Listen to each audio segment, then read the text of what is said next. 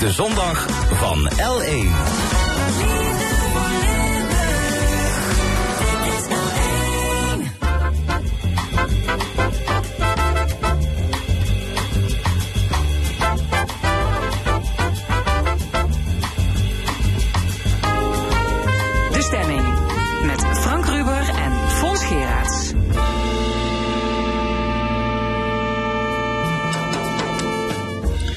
Goedemorgen, welkom bij De Stemming, het interview- en discussieprogramma van L1 Radio.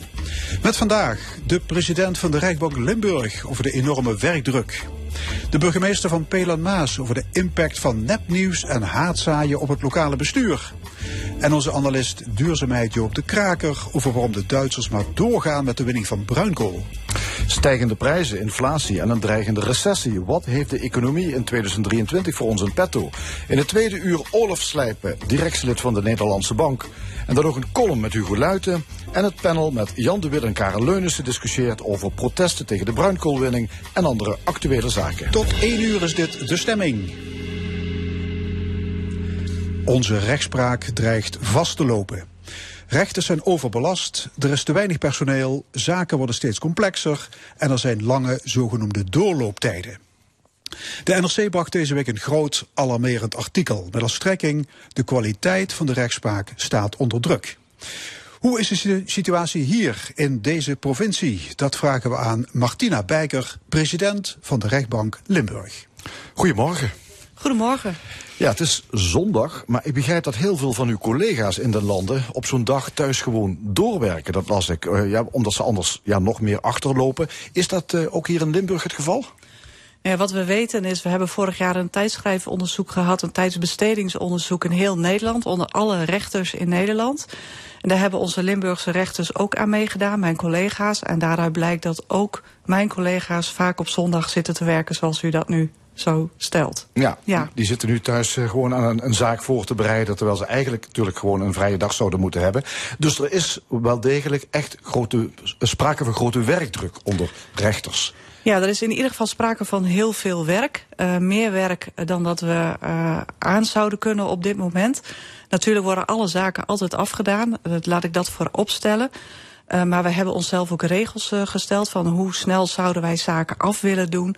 En daar kunnen wij onszelf niet aan houden, tenminste niet voor alle zaken. Nee, want dat is een norm. Hè? Jullie hebben jullie zelf een norm opgelegd ja. waarbinnen, je, waarbinnen een zaak afgehandeld zou moeten worden. Ik las landelijk zomaar 9% van alle zaken dus volgens binnen die norm afgehandeld worden. Is dat hier in Limburg ook zo? Nou, wat we zien is dat voor bepaalde zaken eigenlijk uh, bijna 100% binnen een bepaalde norm wordt afgedaan. En voor andere zaken bijna geen enkele uh, uh, zaak binnen die norm wordt afgedaan. Um, dus ja, voor een deel klopt dat, ja. Ja. Um, ja, het is blijkbaar zo druk. Er zijn dus te weinig rechters. Er zijn dat, te weinig dat is de goede conclusie? Dat is de goede conclusie. Er zijn te weinig rechters. Um, als ik het kan schetsen, wij hebben in Limburg ongeveer 100 rechters. Um, en als ik kijk naar de doorlooptijden en hoe snel zouden we dat graag af willen doen, uh, dan zou ik eigenlijk 115 rechters willen hebben in onze rechtbank. En dan zouden wij uh, um, ja, aan, ons aan de normen kunnen houden die we onszelf hebben opgelegd. Ja, 15 rechters extra zijn er nodig. Op de, trouwens, op welke terreinen is de, de achterstand het grootste? Um, op alle terreinen. We hebben voor alle terreinen rechters uh, nodig. Het is voor ons eigenlijk altijd elk jaar weer een dilemma van in welk rechtsgebied laten we onze rechters werken. Um, nou, zoals u weet uh, uh, is strafrecht altijd een, een terrein waar veel van onze rechters in werken. Ongeveer 40% van onze rechters doen strafrechtszaken. Maar we hebben natuurlijk ook familierechtszaken, burgerlijke rechtszaken en ook uh, bestuursrechtelijke zaken. En ook die moeten worden afgedaan. Ja, en het piept en kraakt op al die terreinen dus. Um, heeft dat te maken met uh, bezuinigingen in het verleden? Dat er te weinig rechters zijn? Dat heeft zeker te maken met een aantal jaren waar alle overheidsinstanties natuurlijk last van hebben gehad. Dat er forse bezuinigingen zijn geweest en dat ook de rechtspraak op enig moment uh, minder rechters heeft opgeleid uh, dan zou hebben gemoeten. Uh, vandaar dat we op dit moment onder andere daardoor ook uh, te weinig rechters hebben. Ja, dus een oorzaak. Uh, maar kan het ook zo zijn dat de zaken zelf complexer worden, die voorgelegd worden? Nou, wat ik hoor van mijn, mijn collega's, mijn, mijn, mijn rechters, maar ook het ondersteunend personeel, is dat zaken inderdaad complexer worden. Ze kosten meer tijd per zaak. Um, en ze zijn gewoon ingewikkelder. En dat betekent dat als je per zaak wat meer tijd nodig hebt, dat je automatisch zelfs met het. Uh, want wij zien niet echt een stijging van het aantal zaken, dat je dus toch iets meer rechters nodig hebt. Ja, dus, dus de zaken zelf worden complexer. Terwijl, terwijl ik ook wel eens lees dat mensen blijkbaar makkelijker hun recht proberen te gaan halen. Omdat daar ook een soort verdienmodel vaak in zou zitten. Nou, dat geldt voor een uh, klein, uh, klein aantal zaken. Geldt dat inderdaad dat er een verdienmodel is. Maar voor de meeste zaken geldt dat het echt zaken zijn die bij een rechtbank horen. Waar een rechter naar moet kijken. En die, waar wij ook gewoon over moeten uh, beslissen. ik weet dat u hier ook de politiechef op bezoek hebt gehad. Als u met de hoofdofficier zou praten, zou u dat ook kunnen beamen. We hebben in Limburg natuurlijk ook, als je kijkt naar het strafrecht, best een fors probleem. Uh, vorig jaar alleen al 18 levensdelicten. Dat zijn echt wel zaken die bij een rechtbank uh, terechtkomen. Dus nee, wij worden niet uh, verstopt door zaakjes die er niet toe doen. Die zijn er wel. Maar het gros van de zaken zijn echt zaken waar we naar moeten kijken. Ja, de overheid heeft de laatste jaren ook nogal wat steken laten vallen. Uh, door beleid wat door de rechter vaak weer gecorrigeerd moet worden. Op het gebied van de tik, stikstof, uh, toeslagen, asiel, klimaat, noem maar op. Uh, merkt u dat ook in de rechtbank, dat dit soort zaken, dat u daar ook over moet buigen? Dat kan bijna niet anders. Nou ja, wat we, wat we natuurlijk. Uh, het is natuurlijk aan de wetgever om te bepalen welke wetten er komen en hoe dat eruit uh, ziet. Wat we wel merken is dat sommige wetgeving wat knellender is. Uh, elke nieuwe wetgeving betekent weer voor rechters dat ze zich dat, dat, weer, dat, dat, dat men zich daarin moet verdiepen. Dat het weer extra tijd kost. Dat de jurisprudentie moet worden opgebouwd. En dus dat betekent ook wel dat het altijd wat meer uh, tijd uh, kost. Maar dat wil niet zeggen dat, dat die wetgeving per definitie er niet zou moeten zijn of niet. Maar het heeft wel impact op, op je werk als rechter. Ja, maar um, ik kan me voorstellen dat, dat je als rechter uh, wel een mening hebt over het feit dat dat er falen overheidsbeleid is. Hè? De toeslagenaffaire bijvoorbeeld, die natuurlijk tot veel zaken leidt dat is toch, um, ja, de, de, de, rechter moet dan uh, dat gaan corrigeren. Nou ja, wat we nu hebben, uh, wat we nu hebben gezegd ook in, uh, in de rechtspraak is... En dat blijkt ook uit het jaarverslag van vorig, vorig jaar van de rechtspraak is. Op het moment dat wij zien dat er knellende wetgeving is. En knellende wetgeving is wetgeving waarvan wij zeggen... daar zitten aspecten in die eigenlijk niet goed uitgedacht zijn. Of die misschien wel van tevoren goed bedacht zijn... maar achteraf blijkt dat er toch gevallen zijn... waarin je zou kunnen zeggen, dat is, dan werkt deze wetgeving niet goed uit. Dat wij als rechtspraak hebben gezegd... nou, dat, dat soort signalen verzamelen met, met alle rechtbanken en hoven, alle gerechten... Uh, en dat geven we ook door aan de politiek. Van hier is een wet waarin dit uh, knelt. Um, en dat, dat doen we op dit moment in, ook in het jaarverslag. Hè. Dan moet je denken aan zaken zoals de kindertoeslagaffaire. Daar hebben we dat natuurlijk van geleerd. We maken ons zorgen over bijvoorbeeld de jeugdzorg. Nou, dat is ook uh, denk ik wel voldoende in het nieuws geweest... Hè, dat we ons daar zorgen over uh, maken. Nou, en zo zijn er nog wat specifieke uh, gevallen in allerlei wetgevingen. Ja. ja. Wat, wat, wat kan het gevolg voor onze samenleving zijn als de rechtspraak overbelast is en ook uitspraken dus langer op zich moeten laten wachten? Nou, wat laat ik allereerst vooropstellen dat uit Europees onderzoek en ook internationaal onderzoek naar, naar de rechtspraak in al die verschillende landen blijkt dat wij als Nederlandse rechtspraak een heel goed stevig fundament nog steeds hebben. Um, wat uh, wat het aan ons is, aan, aan, ons als rechtspraak is, om te zorgen in de komende jaren dat we wel op sterkte komen, dat we wel die doorlooptijden gaan halen. Daar zijn we mee bezig. Dat is niet uh, van vandaag of morgen gefixt. Hè. Dat heb ik ook uh, wel eerder gezegd. Dat krijgen we echt niet in één of twee jaar voor elkaar. Maar daar zijn we wel mee bezig. Ja, maar, maar wat zou het voor gevolg voor de samenleving kunnen hebben als dit doorgaat zoals het nu doorgaat? Nou ja, wat ik al zei, uh, de gevolgen voor de samenleving zijn dat sommige zaken wat langer uh, duren. Ja, maar, maar dan nog is... is het zelfs op dit moment niet zo dat wij uh, dat het zo ongelooflijk lang duurt dat het effect heeft op de rechtsorde op ja, dit moment. Ja. en kan... dat gaat wat mij betreft ook niet gebeuren, omdat we rechtspraakbreed ermee bezig zijn om, het voor, om toch te zorgen dat wij voldoende rechters krijgen. We leiden fors op. En uh, dat gaat echt ook wel lukken. Ja, maar goed, we komen 15 rechters tekort in Limburg. Ja. Uh, rechters zijn overbelast, zitten zelfs op zondagochtend, begrijp ik, te werken aan zaken. Je kunt je voorstellen dat de kwaliteit van rechterlijke uitspraken... dat je daar misschien dus vragen bij zou kunnen hebben. Als, ja, als, als je overbelast bent, kun je fouten maken. Zie je zaken over het hoofd. Of kun je misschien, heb je, heb je zaken niet gelezen die je wel had moeten lezen. Wat wij, op, wat wij uh, hebben gedaan binnen de rechtspraak is, uh, gelet op juist op deze zorgen, is dat de rechters hebben uh, gekeken van ja, hoeveel tijd hebben wij nu eigenlijk nodig voor een zaak. Dat noemen wij de professionele standaarden. Dat is een standaard, dat is een standaard die je eigenlijk nodig hebt als rechter om toch goed een zaak te kunnen behandelen. Die zijn door rechters zelf vastgesteld, die professionele standaarden. Dan moet u ook denken aan hoeveel zaken zou ik op een zitting kunnen doen en hoeveel zittingen zou ik per week kunnen doen, zodat ik nog op een fatsoenlijke manier mijn werk uh, kan doen. Waar moeten we echt niet overheen gaan. Die standaarden die hebben wij, uh, die, die zijn geaccepteerd in de rechtspraak. En op basis van die standaard maken wij ook roosters en planningen. En dat betekent dat in de basis we toch proberen um, rechters uh, niet over te belasten. Zodat ze toch hun zaken goed kunnen blijven lezen. Dat doen wij in uh, Limburg, houden we ons daar vrij strak aan. Wat we zien is op het moment dat je toch op zondag zit te werken is...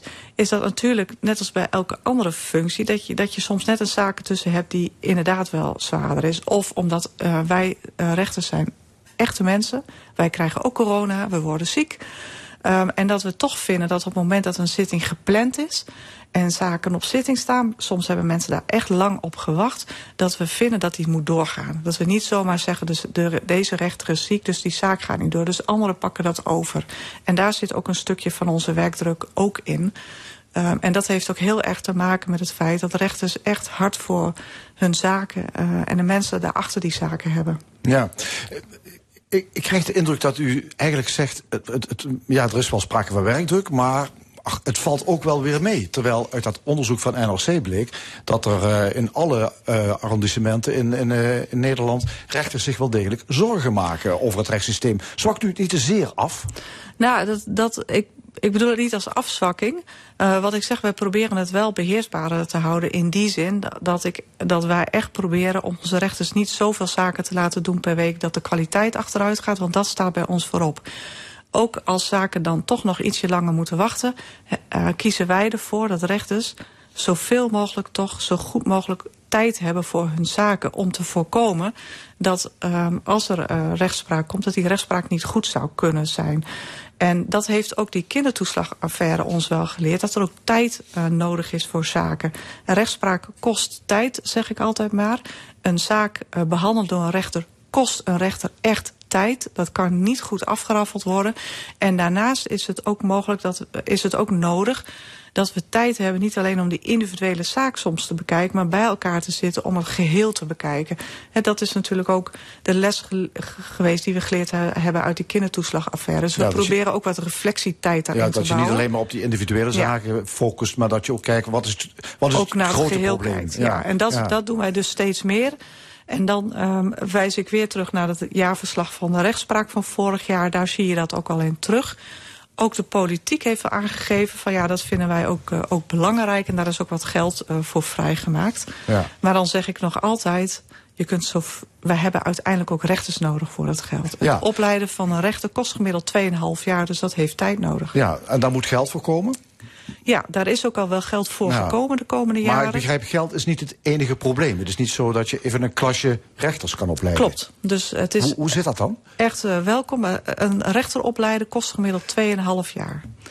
Um, dus wij moeten rechters werven en die moeten vervolgens opgeleid worden. Uh, en voordat die opgeleid zijn ben je 2,5 jaar verder. En dat opleiden gebeurt door bestaande door rechters, rechters? Door bestaande rechters. Dus, dus eigenlijk zijn ze een, een, deel van hun tijd dan ook weer kwijt aan opleiden. Klopt. En daar zitten wij ook weer met het dilemma. Daar, daar is ook weer de balans. Hè? Want je wil rechters natuurlijk niet uh, zoveel belasten met het opleiden dat ze geen zaken meer kunnen doen. En tegelijkertijd hebben we nieuwe rechters nodig. Die nieuwe rechters hebben wij ook nodig omdat we ook uh, in Limburg, en ook rechtspraak breed is dat wel dat beeld, te kampen hebben met een vergrijzend rechtersbestand. Ja. Dus ook geconfronteerd worden met fors wat pensioneringen. Ja, er moeten er 15 in elk geval begrijp ik komen. Um, je zou natuurlijk ook kunnen kijken naar de werkwijze van rechters. Hè? Want het probleem is, u zegt, we nemen er wel de tijd voor, want die hebben we nodig. Maar daardoor duurt het allemaal veel langer. Zou het niet sneller kunnen gaan als je nou, misschien meer mondelinge vonnissen gaat wij, uh, uit, uitvaarden? Nou, dat is een hele goede vraag van u. Dat is ook fijn dat ik hier zit. Want uit het uh, uh, artikel in het NSC werd bijvoorbeeld zeggen... ja, rechters zijn conservatief hè, doen de dingen steeds op dezelfde manier Zijn, en zijn willen mensen niet die wikken en wegen natuurlijk. Het zit ook wel een beetje in hun DNA, denk ik dan. Uh, rechters zijn niet zo heel erg conservatief. Als we kijken naar de rechtbank uh, Limburg, hebben wij een aantal hele mooie initiatieven ontwikkeld. Zo hebben wij bijvoorbeeld het schuldenloket. dus mensen met veel schulden, daarvan is wetenschappelijk helder geworden dat die zes keer vaker bij een rechtbank komen om allerlei redenen ja. dan andere mensen. Uh, we hebben samen met de gemeente hebben we een doorverwijzingssysteem. Uh, Zodat je niet elk individueel geval elke keer weer behandelt, opnieuw, maar ja. dat je kijkt naar het, het, het probleem ja. erachter. Ja, en zodat gemeenten, al, bijna elke gemeente heeft, uh, heeft een schuldenfunctionarissen die mensen kunnen helpen met het oplossen van een schulden. Op het moment dat wij mensen doorverwezen krijgen naar de gemeente en de gemeente pakken zien iemand echt en helpen iemand, voorkomt dat bij ons uh, weer zaken. Datzelfde geldt voor het Huis van het Recht in Heerlen. Daar hebben wij een samenwerkingsverband met de gemeente, met het juridisch loket. Daar zijn wij bij betrokken als uh, rechtbank. Dat is echt uh, uniek. Um, en daarmee proberen we ook, hè, daar staan wij dan wat, wel achter, om te voorkomen dat mensen ook echt naar die rechtbank hoeven. Dus dat zaken in een veel eerder stadium opgelost worden. Dan hoeven wij opeens niet zoveel meer. Ja. Als de zaak... Het zou misschien nog sneller kunnen, want het kan tegenwoordig, kun je gewoon digitaal recht spreken. Er zijn, er zijn onderzoeken die aangeven dat een computer uh, het misschien wel heel goed kan doen. Ja, dat is, dat, dat is heel interessant dat u dat zegt. Er zijn onderzoeken uh, waarin uh, dat uh, beproefd is. Ja. En uit die onderzoeken blijkt ook dat de menselijke factor van een rechter niet onderschat moet worden. Die, dat net uh, uh, 1 plus 1 is niet altijd 2. Soms moet je echt ook even een menselijke factor erop loslaten. Uh, dus maar het zou blijft kunnen belangrijk. helpen dat je de gegevens invoert misschien in een systeem. Dat je het systeem recht laat spreken en dat de rechter daar nog naar moet kijken. Misschien kan dat wel tijdwinst opleveren. Nou, op dit moment is dat natuurlijk ook voor een deel aan de wetgever om te kijken of, of, of dat uh, nodig is. Ook wij intern kijken daar, ja. uh, daarnaar. Zijn, zijn, die, maar zijn die zijn conservatieve rechters daarvoor te porren? Nee. Nou, dat zegt niet zomaar nee. Uh, rechters zijn voor veel dingen te porren. Wat we op dit moment uh, ook uh, zien, is dat rechters intern heel goed naar hun werkprocessen kijken. Naar hoe kunnen we zaken bundelen.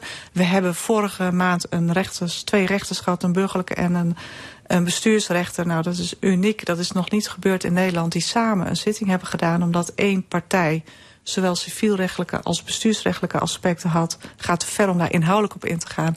Maar als die twee zaken apart zouden worden gedaan, zou het niet opgelost zijn. Dan zouden we waarschijnlijk heel veel extra procedures hebben gehad. Dus je ziet dat rechters nu veel meer kijken naar van wat is hier zinvol en wat is hier efficiënt. Ja, hoeveel tijd heeft u nodig om het rechterlijke systeem helemaal op orde te krijgen in Limburg? Ah, dat, wil ik, dat is ingewikkeld om, uh, om te zeggen. Wij zijn er druk mee bezig, maar een aantal jaren zal dat wel duren. Oké, okay. dank u wel. Martina Bijker, president van de Rechtbank Limburg. Dank u wel. Zometeen gaan we praten met Wilma Delissen van Tongelo, burgemeester van Pelan-Maas. Ze maakt zich zorgen over de impact van nepnieuws op het lokale bestuur. Eerst muziek. Dit is de nieuwe single van de Haagse band Son Milieu. This is the moment. Oh,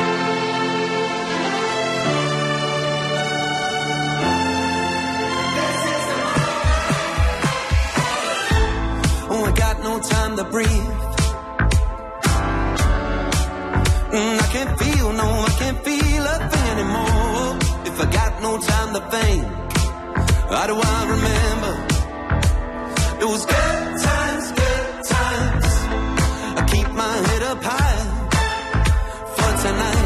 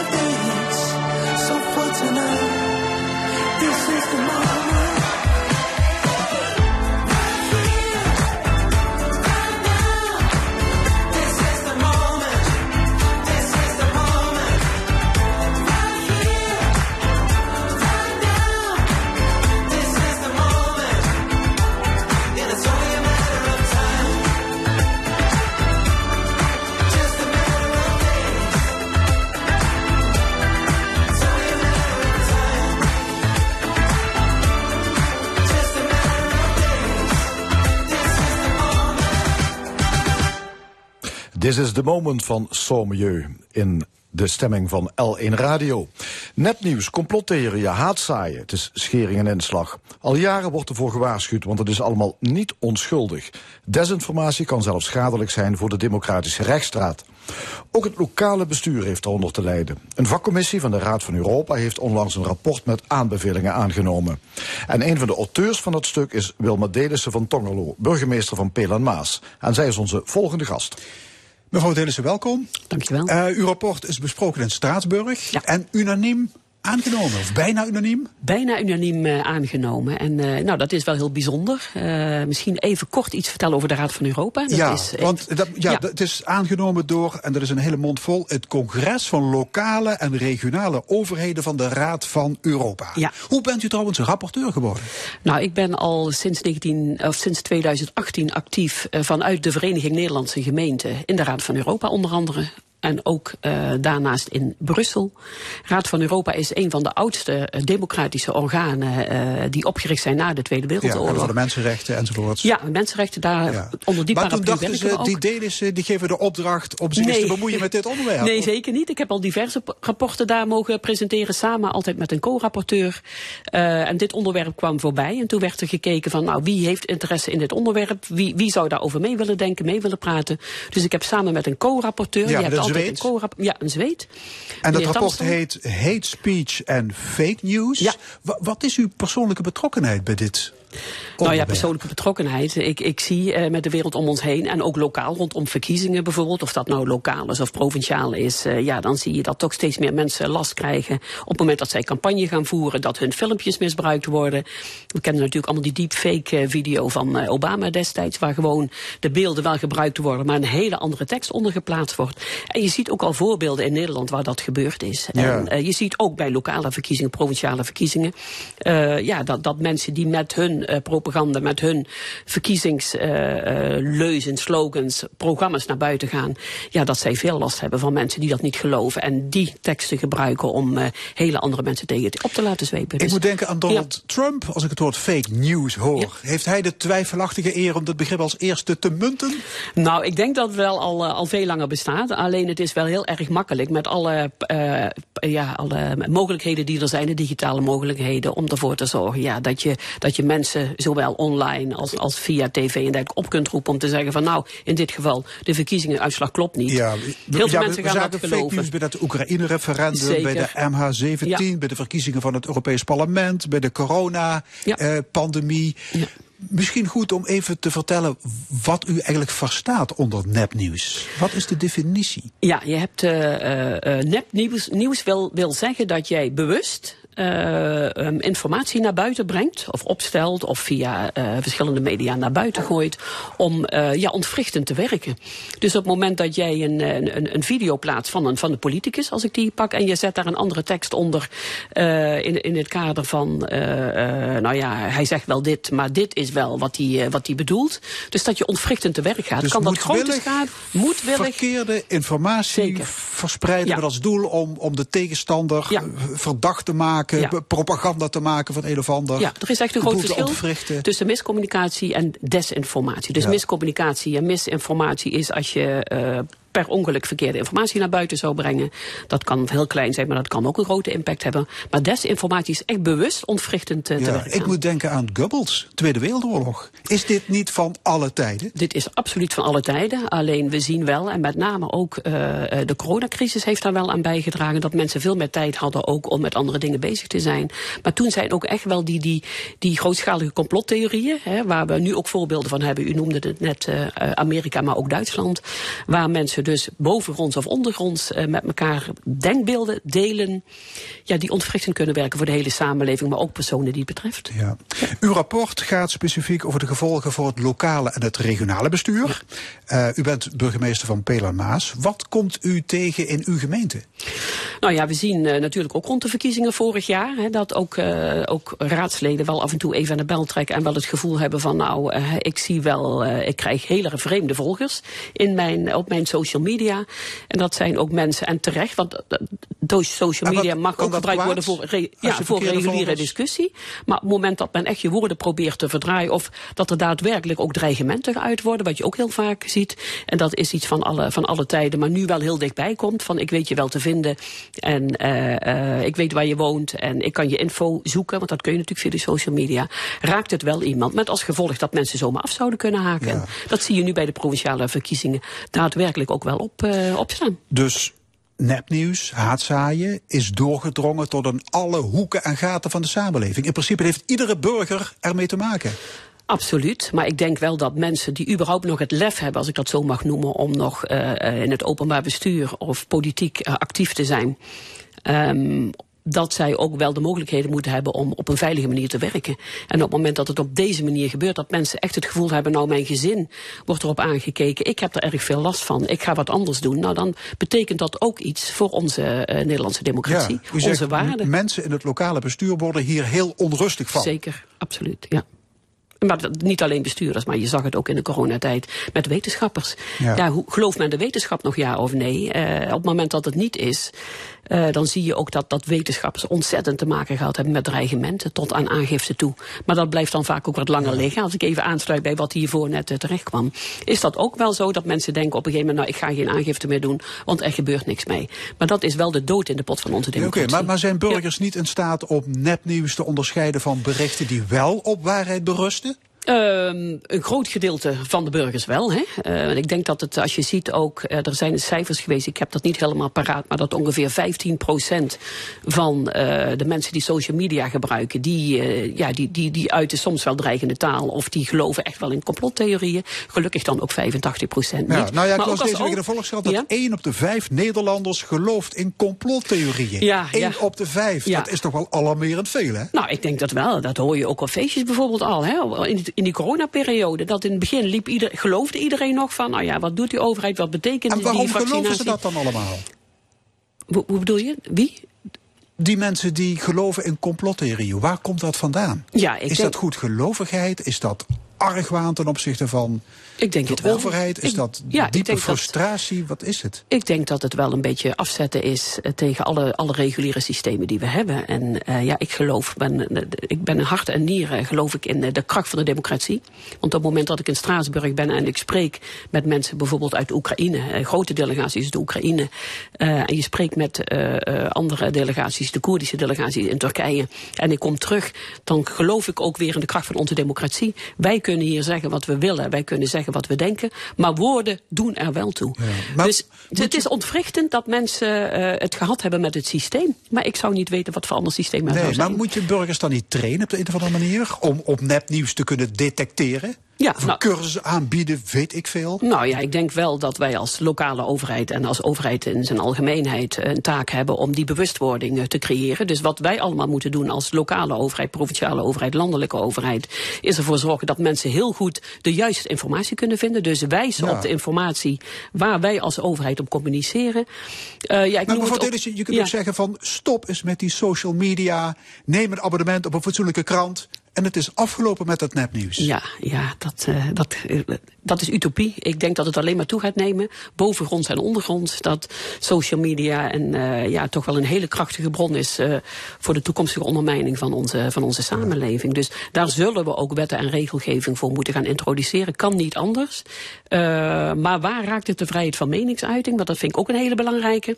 En waar zeggen we van, nou hier trekken we een streep. Op het moment dat ik een melding krijg dat, dat iemand zich bedreigd voelt, of dat nou een, een raadslid is of een ambtenaar, een medewerker, maakt niet uit. Dan ga je altijd in gesprek. Op het moment dat je diegene op kunt sporen, kan het niet. Dan doe ik aangifte. Want ik vind dat wel van belang dat we met elkaar een streep trekken. Want, hier kan- kan, iemand zijn werk niet meer goed Ja, doen. het kan zulke vormen aannemen dat raadsleden, wethouders, burgemeesters gewoon stoppen met hun vak. Of Nou zich ja. stellen Ja. of eruit stappen. Ja, Of, pak mijn collega van Zaan, eh, Zaanstad, die eh, destijds ook in de Raad van Europa zat. ehm, en die ook heel lang met eh, beveiliging heeft moeten rondlopen.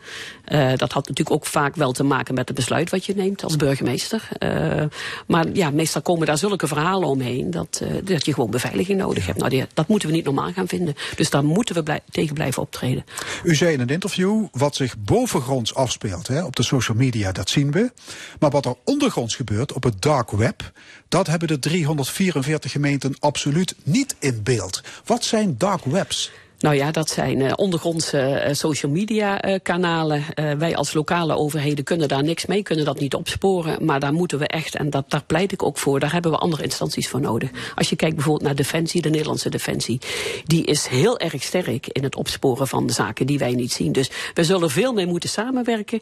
het opsporen van, van fake news en, en hate speech is niet alleen een ICT-verhaal. Nee, Kijk, maar, wij maar kunnen wel, wel op. Oproepen om, om het kapitool te bestormen of de regering regeringsgebouw in Brazilië, dat staat gewoon open en bloot op Facebook en op, en op YouTube. Voor een gedeelte. Dat is vast, uh, vast ook onderzocht. Maar er zijn heel veel ondergrondse kanalen uh, waar wel andere partijen op meekijken. Maar wij als lokale overheden, regionale overheden. En dat is geen ernstig wat hebben. daar op te, op te vinden is? Dat moet, dat, moet, ja, maar dat moet ook zeker gedeeld worden. Kijk, als burgemeester heb ik een heleboel bevoegdheden. Uh, in het kader van, van Bibop. Hè, dus onderzoeken van, hé, hey, hier moet ik een vergunning afgeven. klopt dat wel? Werken wij niet mee aan vermenging van boven- en onderwereld? Maar op het moment dat je echt te maken hebt met nieuws wat niet klopt. Ja, het enige wat, wat ik als burgemeester kan doen, is in gesprek gaan uh, en de mensen uitleggen dat het niet zo is. Maar wat er vervolgens uh, ja, onder die streep gebeurt. Nee, ik heb er mensen zeggen, die burgemeester kan ons wat. Ik heb daar helemaal geen zicht op. En dat vind ik wel het het hele verhaal. Dus daar zullen we wel in dit land heel erg alert op moeten zijn. Wereldwijd alert op moeten zijn. Dat 15% wat we zien, zeg maar in de bovenwereld. En die 85% die daaronder zit, daar hebben we geen beeld van. Ja, en de hamvraag is natuurlijk, hoe moet je optreden tegen nepnieuws en haatzaaien? U komt met uh, concrete aanbevelingen in dat rapport voor de Raad van Europa. Wat zijn de belangrijkste? Nou, we hebben nog niet echt een aantal aanbevelingen gedaan. Er is onderzoek gedaan door uh, Colin Coppens. Dat, uh, dat is een, uh, een, professor, onder andere aan de Universiteit in Gent. En die heeft gekeken, wat is nou fake news? Wat is hate speech? Hoe kun je je daartegen wapenen? En we hebben als, als Nederland bijvoorbeeld, heb ik het voorbeeld gegeven... wat wij gedaan hebben rondom de gemeenteraadsverkiezingen vorig jaar. En dat is dan eind 2020, 2021... is dat gestuurd naar alle gemeenten in Nederland. Van op het moment dat er filmpjes in omloop zijn, of er komt ineens een, een, komen er heel veel telefoontjes binnen van verontruste burgers van ik zie dat en dat over een raadslid of een uh, statenlid, maakt niet uit. Mm. Uh, dat ons KCC, ons klantcontactcentrum, weet van hé, hey, er, er, is iets, blijkbaar iets in omloop. Dan kunnen wij vanuit Media Watching kijken, dat, dat kunnen onze communicatiemedewerkers, wat is er aan de hand. Dus u pleit voor een meldpunt eigenlijk? Een soort, soort handreiking, uh... ja. En, en inmiddels zie je ook, maar alle landen zijn zover nog niet. Dus voor heel veel landen was het echt ook een beginnende discussie. Mm. Wij zijn er al wat langer mee bezig. Uh, maar er zijn ook landen die nemen het wel aan, maar die nemen het niet zo nauw met de democratische waarden. Dus met name met elkaar in gesprek gaan en het uitwisselen. Wat zou je kunnen doen? Kom ook naar ons toe. We helpen jullie. Onze regeringen helpen mee. Uh, uh, in Zweden bijvoorbeeld is de regering ook heel erg actief om ja. te voorkomen dat het ons, ons raakt. En u zit er straks ja. in de tussenzin, er is wet en regelgeving nodig. Uh, er is zeker wet en regelgeving nodig. Ik zag toevallig nu, ik heb hem even meegenomen, dat is een nieuwe brief van onze minister. Die is van uh, 21 december jongsleden. En dat is een rijksbrede strategie effectieve aanpak van desinformatie. En dan zie je ook uh, ja, dat ook het ministerie van Binnenlandse Zaken ziet van wij kunnen dat niet alleen. Wij hebben daar de andere departementen ja, okay, voor nodig. Maar de Europese Unie heeft vijf jaar geleden ook al een actieplan opgesteld tegen, tegen desinformatie. Ja. Ja. Is het niet vechten tegen de Dat zal het zeker, dat zeker zijn, maar niks doen is helemaal ja, je optie. moet, je moet dus we doen. zullen wat moeten, moeten Ja. doen. En uh, nou ja, ik, ik ben altijd wel weer blij als ik terugkom uit Straatsburg. En ik heb met veel delegaties gesproken. Dat we ook wel kunnen zien dat wij ook mooie stappen gezet werden. Er is aandacht voor. Onze, onze diensten zijn echt heel erg goed in het opsporen van. Maar als het dan lokaal voorkomt. Hè, er komt een, een raadslid of er komt een burger met een melding. Ja, dan zou ik aangifte moeten doen. En dan duurt het heel, heel erg lang. En dat zorgt ook misschien dat de meldingsbereidheid af gaat nemen. En Maar- dat moeten we niet goed vinden. Ja, nu heeft drie maanden geleden heeft het Turkse parlement een desinformatiewet goedgekeurd. Een plan van president Erdogan. Maar de vraag is natuurlijk, wat is desinformatie? Bedoel, rechters in Turkije zullen kritiek op de regering zien als valse informatie. Dus strafbaar. Ja. Het is, het is wel een Gordiaans knoop, hè? Dat is absoluut. Uh, en ik kan dat ook uh, beamen als ik spreek met uh, Koerdische collega's in Turkije. Die gekozen worden. Daar hebben er met de laatste verkiezingen, dacht ik, 61 meegedaan. Waarvan er nog zes ook gekozen zijn.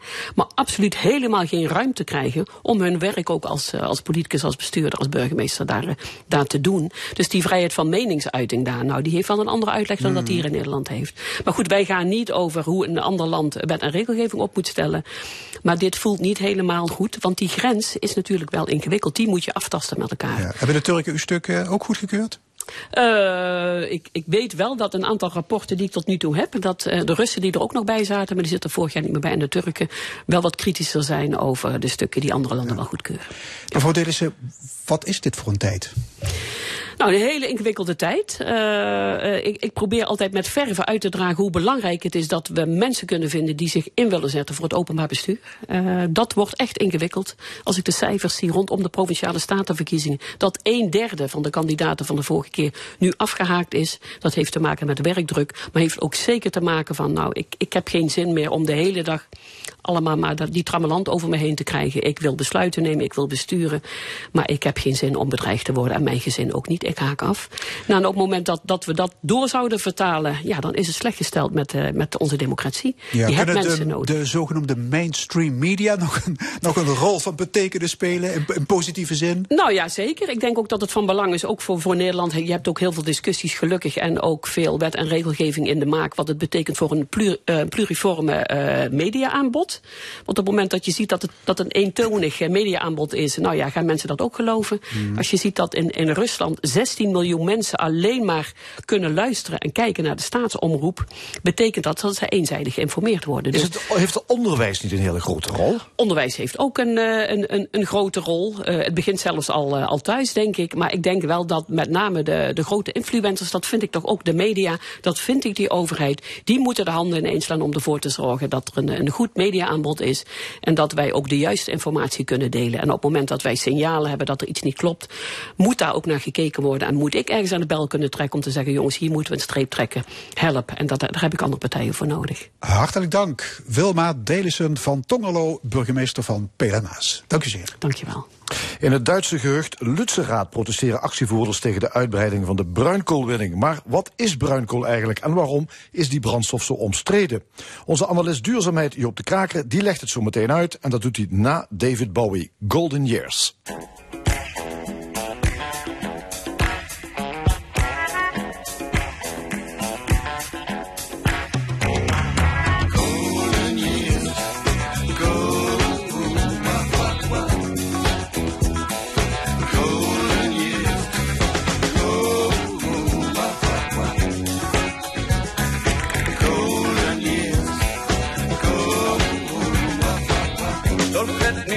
You say life's taking you nowhere. Look at that sky, life's begun. Nights are warm and the days are young. There's no fever lost, that's all.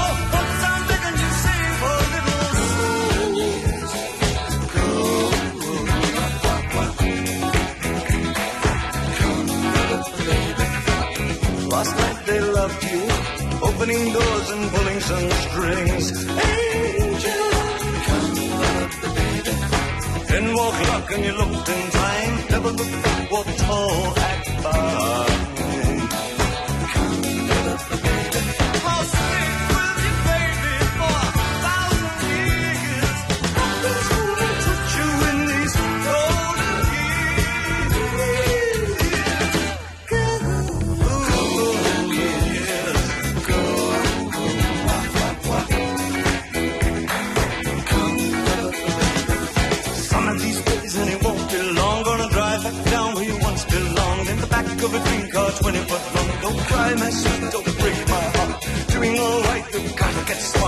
Wish upon, wish upon, day upon day. I believe, oh Lord, I'll believe all the way. Run For the shadows, run for the shadows, run for the shadows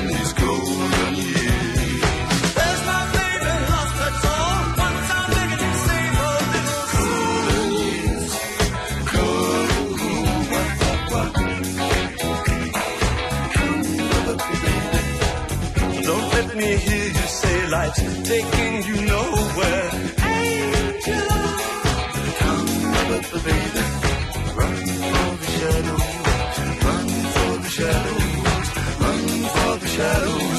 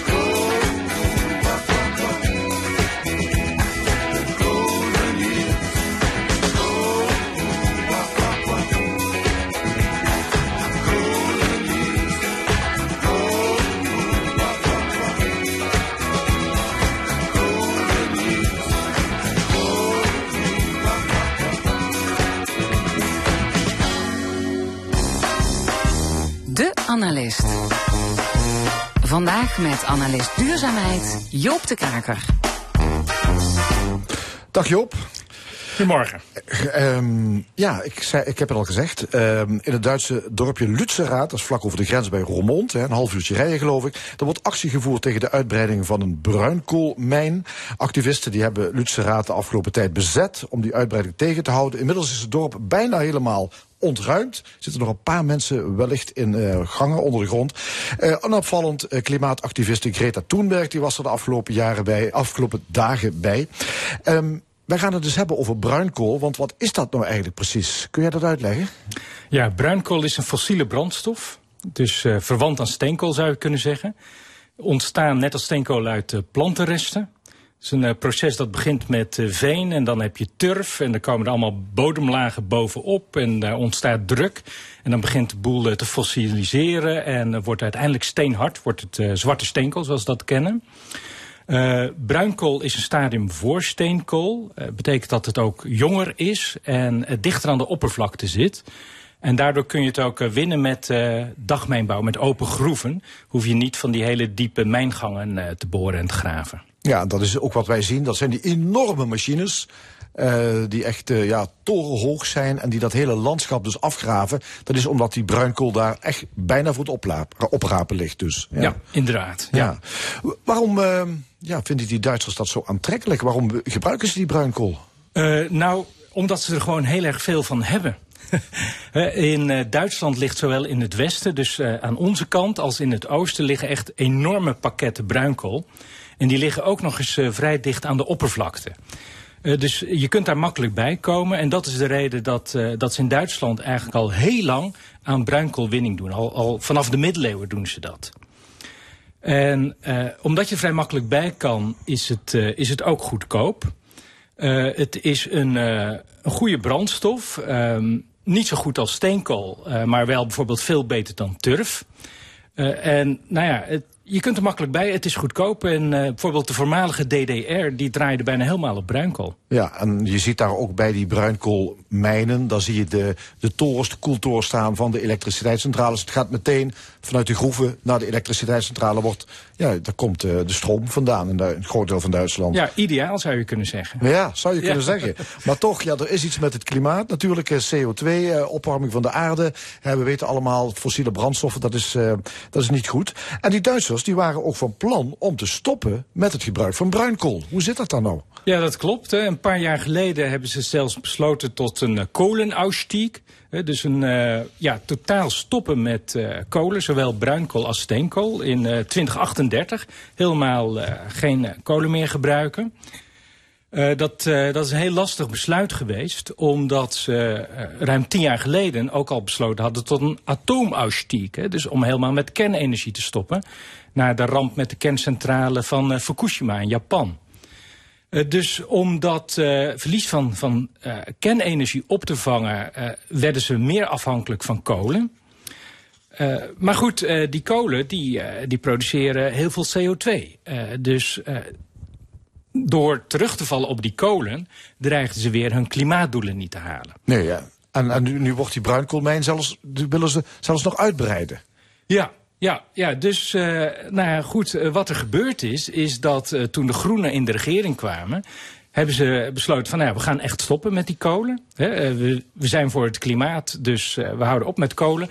En we vervangen dat dan in de tussentijd tot we helemaal voorzienend zijn met duurzame energie, vervangen we dat door aardgas. Dat gaan we dan importeren, want aardgas is, uh, ja, je zou kunnen zeggen, beter voor het klimaat. Er komt in elk geval veel minder CO2 bij vrij als je aardgas verbrandt dan, dan steenkool of bruinkool. Maar goed, zoals ik al zei, ze gingen het vervangen door aardgas. En dat aardgas, dat kwam uit Rusland. En dus ten tijde vorig jaar van de inval van Rusland in Oekraïne hadden ze al bijna de helft van, van het bruinkoolverbruik hadden ze vervangen door aardgas. Maar goed, uh, zoals we allemaal weten, dat aardgas dat kwam op een gegeven moment niet meer. Uh, dus ja, Duitsland moest op zoek naar alternatieven voor dat aardgas. En ja, zij waren nog veel afhankelijker van dat aardgas dan wij. Dus dat is natuurlijk ontzettend lastig. Dus is er toch weer naar, naar kolen gekeken. Kunnen we toch weer niet teruggaan met die kolen. zowel steenkool als bruinkool. Nou, steenkool, daar is de laatste mijn een paar jaar geleden al van gesloten. Dus dat moeten ze allemaal gaan importeren. Terwijl die bruinkool, die ligt daar ja, bijna letterlijk voor het oprapen. Echt in enorme hoeveelheden. En het is het goedkoopste alternatief voor, uh, voor aardgas. Ja, die groenen zitten in de regering. Die hebben het, ja, die, die hebben het daar denk ik behoorlijk lastig mee. Wat, wat hebben ze dan bedongen? Want er, er wordt nu dus... Ja, ja, eh, dat is uh, natuurlijk heel ironisch eigenlijk dat uh, juist de groene ministers dit besluit van, van die bruinkoolwinning hebben genomen omdat ze zich daar ontzettend tegen verzet hebben altijd en heel erg voor die kolenausstiek waren. Dus wat ze nu gedaan hebben, zij hebben een deal gesloten met, met RWE, dus de energiemaatschappij die die bruinkoolmijn exploiteert daar bij Lutzeраad. En de deal is, nou we hebben nu een hele grote energiecrisis. We we hebben gewoon die bruinkool nodig. Dus je mag die mijn nu uitbreiden, productie opvoeren. Maar in ruil daarvoor uh, moeten jullie dan eerder stoppen dan de datum die we af hadden gesproken in die kolenuitstiep. En dat is dan 2000, 2030. Acht jaar eerder. Ja, ze zouden dan in 2030 moeten stoppen. Dit is een omstreden deal, ja. want ja, er wordt massaal gedemonstreerd. Wat deugt er volgens de klimaatactivisten niet aan deze afspraak? Uh, nou, helemaal niets natuurlijk, want het zijn klimaatactivisten. En bruinkool is, uh, is heel slecht voor het klimaat. Dus uh, de eis van de klimaatactivisten is dat die bruinkoolwinning die moet stoppen en, en liefst ook direct. He, en dan kun je wel zeggen van we hebben een energiecrisis. Maar zij zeggen van ja, een klimaatcrisis is veel erger dan een energiecrisis. Dan gebruik maar wat minder energie. En nou goed, dat is natuurlijk een vrij radicaal standpunt. Ja kun je als regering niet innemen. Maar ja, goed, uh, he, zonder radicale standpunten word je natuurlijk geen uh, activist. Lutzeraad was ja, wereldnieuws deze week. Uh, gisteren was er weer een grote demonstratie. Hoe zinvol is dit protest? Uh, nou, kijk, ze gaan die uitbreiding van uh, de bruinkoolmij bij Lutzeraad gaan ze niet tegenhouden. Dat, uh, dat zal ze niet lukken. maar Kijk, wat er nu gebeurt is heel erg veel aandacht voor bruinkool. Internationaal ook. Heel, de hele wereld kijkt nu opeens mee in Duitsland. Uh, naar die heel vervuilende energiebron die ze gebruiken. En dat vindt de Duitse regering natuurlijk absoluut niet leuk. Hè? Duitsland uh, portretteert zich altijd graag als uh, nou, een voorloper op het gebied van duurzame energie. het land van de energiewende. De Groenen hebben ook nog eens te maken met een opstand in eigen kring. Met, heel veel leden zijn het eens met die activisten. Dus de Duitse regering zal zich nog wel tien keer bedenken voordat ze een volgende mijn willen, okay, willen dus, laten gaan Dus als drukmiddel gaat dit wel degelijk dus helpen? op de lange termijn gaat dit zeker helpen ja. om, om die verdere uitbreiding van uh, bruinkool toch uh, ja. behoorlijk in te perken. Joop, tot 2030 gaan dus die, die enorme graafmachines door met het maken van gigantische kraters in het landschap. Lutzeraad ligt 45 kilometer van de Limburgse grens. Wat zijn de gevolgen voor ons? Uh, die zijn er uh, ja, echt wel. Hè. Niet van die uitbreiding die nu komt. Dat is relatief klein ten opzichte van wat er al is. Maar goed, de, de Duitsers zijn daar al decennia bezig met het graven van die enorme gaten. Ja. En uh, het belangrijkste effect voor Limburg is dat het grondwater hier wegstroomt. Hè. Ze maken enorme gaten, hebben we allemaal gezien. Uh, heel groot oppervlak, heel diep. Dus water stroomt naar het laagste punt. Water stroomt dus naar het Limburg laagste punt. verdroogt. Ja, He, dus uh, dat water stroomt weg. Het wordt daar natuurlijk, ja, die mijn moet droog zijn, anders kun je daar niet werken. Dus dat water wordt daar steeds weggepompt. Trekt steeds nieuw water eraan. Uh, ook uit Limburg. Uh, dus inderdaad, een belangrijk effect is verdroging. En dat kunnen we niet hebben, want ja, we zitten al met, nee. kurkdro ja. met kurkdroge we hebben nou al een paar jaar hele grote droogteproblematiek gehad. Ook vooral in de natuur. En dat is een van de belangrijkste effecten ook. He, dus daar vlak over de grens aan onze kant heb je groot natuurgebied, de Mijnweg. Uh, kennen mensen waarschijnlijk wel, daarbij Roermond. Uh, dus wat daar nou al jaren gebeurt om te voorkomen dat dat helemaal verdroogt... is dat op kosten van de Duitsers, hè, als compensatie uh, voor, ja, voor dat wegtrekken van dat grondwater... is dat dat steeds wordt aangevuld met nieuw water. Ja, aan de andere kant, als die bruinkoolwinning in Duitsland over zeven jaar meteen stopt... Hè, gaan we dat in Limburg ook weer flink merken. Ja, dat, op, dat op is, welke manier? Wat gebeurt er dan? Uh, dat is, eigenlijk zitten we aan twee kanten ingesloten uh, wat dat betreft als Limburg. Aan de ene kant hebben we nu het probleem met het, het grondwater dat wegtrekt. Maar als die bruinkoolwinning stopt, komt het grondwater weer terugstromen. En dan krijg je een soort sponswerking. Hè. Die bodem die wordt weer vol uh, gezogen met water. en, en die zwelt op. en dan krijg je bodemstijging. En nou, we hebben Bodemstijging? veel, ja, veel gehoord van. Ja, de, de bodem Dus dat op. is. Dus funest voor Ja. woningen, tunnels. het, het is vergelijkbaar met bodemdaling. Hè. Eh, als de grond omlaag gaat, is dat heel vervelend voor gebouwen. Maar als de bodem omhoog gaat, net zo goed. Dus we Eh, krijgen een soort zonvloed ondergronds. Met als gevolg Ja, gigantische het- schade. Het, het kan nog sneller gaan dan we denken. Maar het is allemaal. Dat moeten we nog afwachten. Aardbevingen misschien nog?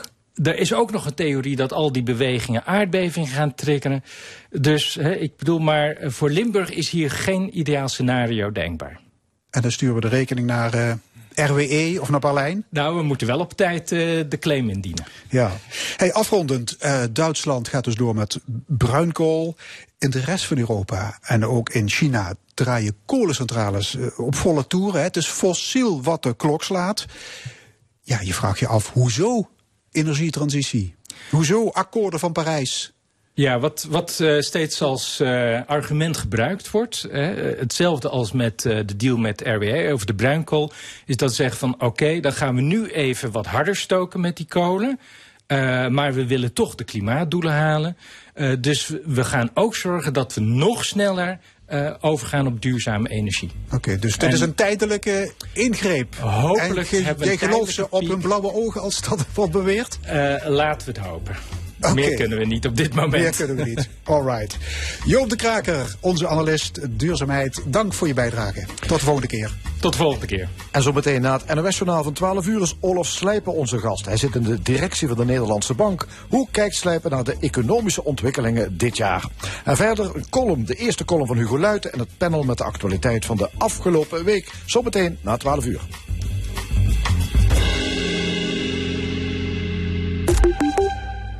Zeker weten wat echt de erfgrens is. Kies voor een NVM-makelaar. NVM zeker weten. Het is sale bij bol.com. Hè? Ook zo dan. Daar kun je nog steeds niet omheen. Want alleen deze week babyfoons van onder andere Luvion en Philips Avent met tot 30% korting op de adviesprijs. En tafels en stoelen met tot 20% korting. Bekijk alle deals in de app of ga naar bol.com. Eyecatchers bij iWish. Tot 90% korting op de mooiste merkmonturen. Catch them voor iemand anders het doet. Ga naar iWish.nl of kom leuk langs. See you. Bij Praxis vind je heel veel eigen merken. Dat is topkwaliteit voor minder geld. Zoals onze Deco-mode laminaat en PVC-vloeren. Nu 30% korting. Exclusief verkrijgbaar in onze winkels of online. Voor de makers, Praxis. Wat het juiste hoortoestel voor je doet, het verandert je leven. En toch hoeft het je niets te kosten. Want Van Bokstel Hoorwinkels vergoedt tot 28 februari de kosten die uw zorgverzekeraar niet vergoedt. Eigen risico en kosten oplaadbaar mogelijk van toepassing. Informatie en voorwaarden op vanbokstelhoorwinkels.nl De vrijheid van 357 kilometer op een accu. Dat rijdt pas comfortabel en zorgeloos elektrisch. De Citroën EC4 Electric. Profiteer nu van 2950 euro subsidie en een scherp private lease tarief vanaf 429 euro per maand. Kijk nu op citroën.nl. Het jaar beginnen met gezond eten, voordelig en zonder zelf te koken? Dat kan met de voordeelboxen van Uitgekookt. Zo krijg je vier maaltijden voor maar 25 euro. Bekijk en bestel de voordeelboxen op uitgekookt.nl. Met Holland Barrett leef je deze winter fit. Nu 1 plus 1 gratis op meer dan 1000 producten. Leef met de kracht van de natuur. Holland Barrett. Bij KRO en CRV geloven we dat de wereld eerlijker, groener en liever kan. Daarom maken we programma's als Boer zoekt vrouw, Keuringsdienst van Waarde en Binnenste Buiten. Programma's over de uitdagingen van deze tijd, die jou anders laten kijken en ook meteen een handje helpen om anders te doen. Want samen maken we de wereld van morgen. Maak morgen mee. KRO en CRV. Nu ook bij Holland Barrett 1 plus 1 gratis op alles van Luco Vitaal. Krachtig en goedkoop. Betaal niet meer dan nodig en koop deze maand nog jouw nieuwe set banden bij QuickFit. Want voor alle Michelin-banden geldt, tweede band halve prijs. Bekijk onze deals of plan eenvoudig jouw afspraak op quickfit.nl. QuickFit. Service waar je blij van wordt. Dit is L1 met het nieuws van 12 uur. Jeroen van Kamp met het NRS Journaal. Hulpverleners hebben intussen 64 slachtoffers geborgen van de vliegramp in Nepal. Of er overlevenden zijn is nog onduidelijk. Het toestel met 72 mensen aan boord steeg eerder vandaag op vanuit de hoofdstad Kathmandu, maar stortte vlak voor het de eindbestemming Pokhara bereikte neer. Die stad wordt bij toeristen, door toeristen gerekend als uitvalsbasis voor trektochten door de Himalaya. Aan boord van het toestel waren passagiers uit onder meer Australië, Ierland, Frankrijk en Argentinië. De verdachten die gisteravond zijn aangehouden na een steekincident in een jeugdzorginstelling in Emmen zijn 16 en 19. Bij het incident kwam een 26-jarige hulpverlener uit Groningen om het leven. Een van de verdachten is vlak na het steekincident in het centrum van Emmen aangehouden. Een tweede verdachte vluchtte, maar die werd een paar uur later alsnog gearresteerd. Wat er precies is gebeurd is onduidelijk. In de jeugdzorginstelling wonen jongeren tussen de 12 en de 18 jaar oud. Het dodental van de raketaanval gistermiddag op een flatgebouw in Dnipro in het oosten van Oekraïne is opgelopen tot 21. Zeker 73 mensen raakten gewond en meer dan 35 mensen worden nog vermist. Reddingswerkers hebben de hele nacht naar overlevenden gezocht onder het puin. Ook andere steden werden getroffen door Russische raketten. Die waren vooral gericht op de infrastructuur. Oud-wielrenner Lieve Westra is overleden. Dat heeft van biograaf Thomas Seidsma bekendgemaakt. De 40-jarige Westra was twee keer Nederlands kampioen tijdrijden... en stond vijf keer aan de start van de Tour de France. In 2014 reed hij de Tour van Astana in dienst van winnaar Nibali. De Vries zette zes jaar geleden onverwacht een punt achter zijn carrière vanwege een depressie. Door die ziekte kon hij het naar eigen zeggen niet meer opbrengen om op de fiets te stappen. Het weer vanuit het noordwesten neemt de bewolking toe en er volgen wat buien. Het waait hard, vooral aan de kust zijn zware windstoten mogelijk. Het wordt maximaal 8 graden. Vanavond minder wind, maar wel nog af en toe een bui. Dit was het NOS Journaal. Voor elke keukenwens en elk budget is EKS Keukenstudio het adres. Ontdek de laatste trends van kwaliteitsmerken voor de beste prijzen. En profiteer van het lagere Duitse btw-tarief. EKSkeukens.nl met een Raymond waterontharder gaan huishoudelijke apparaten jarenlanger mee. Laat je verrassen op raymondwaterontharders.nl Bij Jumbo zijn het de gratis eentje extra weken. Zo krijg je tot en met dinsdag bij een zak spruiten een gratis eentje extra. Pepsi of 7-Up, gratis eentje extra. En diverse Pampers producten, ook gratis eentje extra. Jumbo, dat is leuk boodschappen doen, ook online. Profiteer nu van onze BTW-actie op remonwaterontharders.nl. Renault. Op de weg wil je alles onder controle hebben. Behalve je fantasie. De nieuwe Renault Austral e-tech Full Hybrid.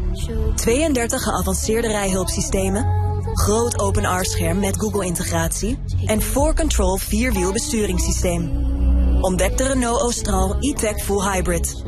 Maak nu een proefrit bij de Renault-dealer.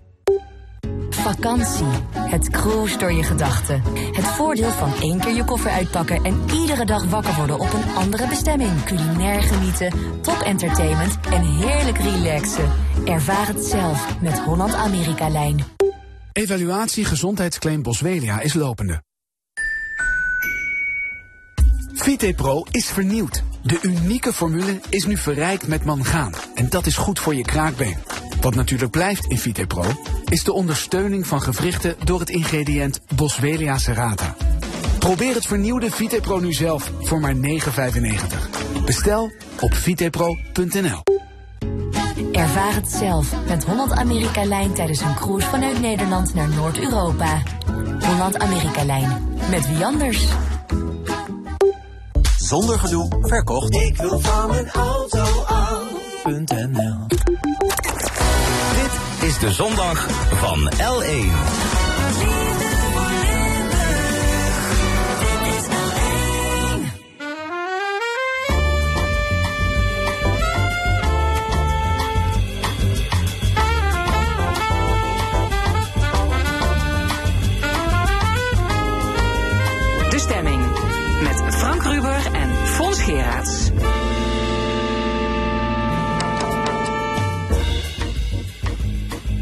Opnieuw welkom bij De Stemming. En wat hebben we nog in de tweede en laatste uur voor u in petto? Straks het panel met Jan de Wit en Karel Leunissen.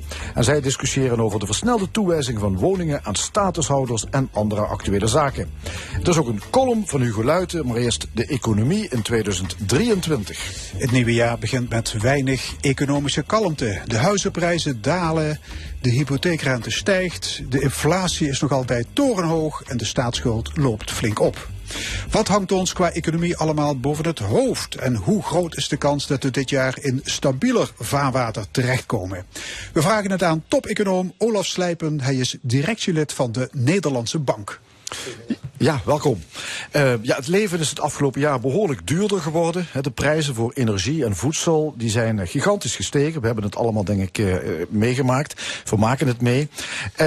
Is dat nou allemaal te danken aan die oorlog in Oekraïne of is er meer aan de hand? Nou, ik zou het niet, uh, het woord te danken zou ik maar niet gebruiken nee, in dit geval. Dat is verkeerd uh, het, is een, het is een combinatie van een aantal dingen, maar inderdaad de oorlog in Oekraïne heeft een heel belangrijke rol uh, gespeeld. Het begon eigenlijk allemaal na COVID. De economie herstelde zich heel erg snel.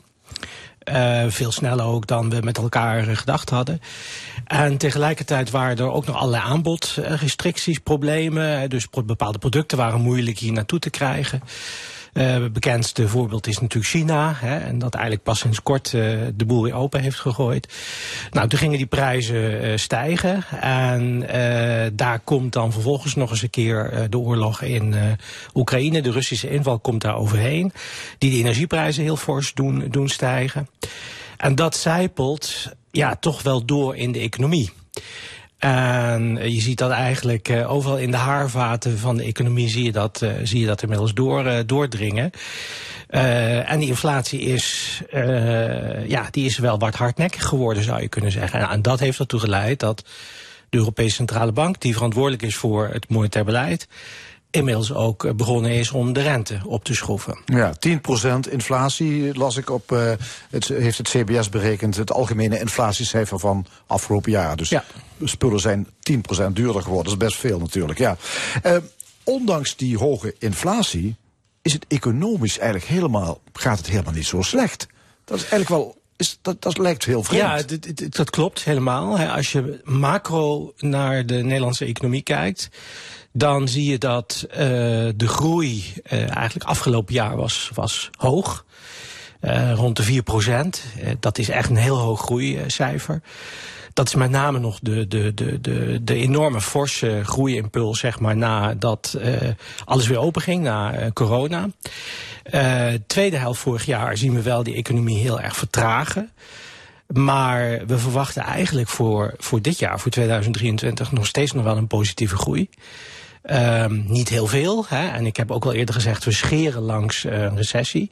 En de onzekerheid is ook heel erg groot. Maar de Nederlandse economie, die, uh, ja, die, die presteert nog steeds zeg maar, boven uh, capaciteit. Hoe, hoe kan dat eigenlijk? Want je zou kunnen denken, hoge inflatie, mensen gaan misschien bepaalde producten ook niet meer kopen. Hè? Luxe ja. producten, want ja, je hebt het nodig voor je boodschappen. Dat is zeker zo. Dus een, een belangrijk deel van die groeivertraging die komt daardoor. Dus het feit dat uh, alle producten duurder worden... Uh, betekent gewoon dat ook het consumentenvertrouwen minder wordt. En dat zie je terug ook in de consumptie. Daar staat tegenover dat de werkeloosheid heel laag is. En ook laag blijft. We hebben eigenlijk een structurele krappe arbeidsmarkt. Dus er zijn heel veel mensen die... Het is niet zo moeilijk om aan een baan uh, te komen. Bedrijfsleven doet het macro, ook daar zijn weer hele grote verschillen. Maar macro doet het bedrijfsleven het goed. De winstgevendheid is goed. De, dus... Uh, en dat, uh, dat als het ware stut die groei. En we moeten ook niet vergeten hier het, het overheidsbeleid. Het coronabeleid heeft toch een enorme impuls ook gegeven aan, uh, aan de economie. En, en dat maakt dat het macrobeeld eigenlijk helemaal niet zo slecht is. Maar uh, ja, op, op, op individueel niveau daar zien mensen dat natuurlijk heel anders. En die zullen natuurlijk wel zeggen van ja, dat kun je nu wel zeggen slijpen. Maar ik ervaar dat echt heel anders met die hoge energieprijzen, hoge voedingsprijzen. Dus er zijn hele grote verschillen. Uh, op individueel niveau. Ja, voedselbanken, het verhaal is bekend. Die puilen uit, kunnen het gewoon niet meer bijwerken. Ja, ja. Uh, u bent econoom, dus u moet het kunnen uitleggen. We hebben een hoge inflatie en dan besluit de Europese Centrale Bank... we gaan de rente verhogen, want dan rem je die inflatie af. Kunt u dat voor een, uh, voor een leek uitleggen hoe dat werkt? Ja, het idee, het idee daarachter is uh, dat doordat je de rente gaat uh, verhogen, maak je het bijvoorbeeld lastiger of duurder, moet ik eigenlijk zeggen, hè, om kredieten te krijgen. Hè, en op die manier rem je de economie af. Dus eigenlijk wat je doet door die rente te verhogen, is, is in feite de, de, de bewust de economie vertragen. want als je die economie vertraagt, ja, dan, uh, dan gaat ook die inflatie wel, uh, wel afnemen. En ik denk waar de meeste mensen dat nu al zien, want daar zit echt wel een soort van, van vertraging tussen besluiten die de ECB neemt en voordat je dat echt gaat merken. Maar waar je het wel heel erg ziet, uh, dat, zijn, uh, dat is de hypotheekrente. Hè? En dat zijn vervolgens ook de impact die dat heeft op de huizenprijzen. En daar zie je heel direct en rechtstreeks die relatie van het monetair beleid. Uh, en ja, wat dat vervolgens doet met de economie. Maar dat is dus ook bewust. Want ja, je moet, je moet, er dus, je moet wat, uh, wat op de rem duwen. En daarmee help je dus die, uh, die inflatie terug te brengen. Meneer Slijp, u komt uit Limburg. Ja. Meer speciaal uit Schoonbron, hè? Gemeente Schin op Geul is dat, zeker. Ja. Hoe is de interesse voor het vak economie begonnen bij u? Uh, ja, dat, ik ben inderdaad geboren in, uh, in Schin op Geul. Dat was toen nog gemeente Wielree en tegenwoordig gemeente Valkenburg aan de Geul. dus zou zeggen een, een jong van. En ik, ik ben ook naar de middelbare school gegaan in Limburg, Bernardines College Heerlen. En toen vervolgens heb ik economie gestudeerd in Maastricht. En die keuze voor economie, ik wil, het was of economie of geneeskunde, totaal iets anders. Dat waren, daar was ik tussen aan twijfelen. En ik denk dat de keuze voor economie vooral ook kwam voor mijn interesse voor, ja, zeg maar toch, uh, de publieke zaak, politiek, algemeen belang. Uh, mijn moeder zat in uh, de gemeenteraad, eerst in de gemeente Wielre, later in de gemeente Valkenburg aan de Geul.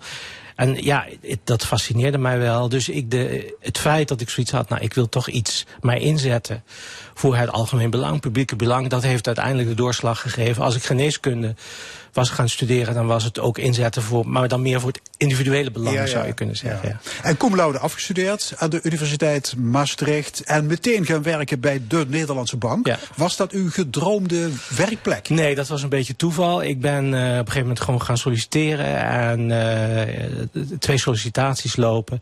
Eén was bij de Nederlandse Bank en één was bij het ministerie van Economische Zaken. En bij de Nederlandse Bank ben ik aangenomen. En uh, ik wilde vooral iets doen wat zich richten op Europa internationaal. Ik, ik, ik ben afgestudeerd in Maastricht in de tijd van het verdrag van Maastricht. Europa was hot. Uh, ja, dat, ik heb ook een tijdje, uh, was ik studentassistent bij het Europees Instituut voor Bestuurskunde op het Ons Lieve Vrouwenplein Maastricht. Ja.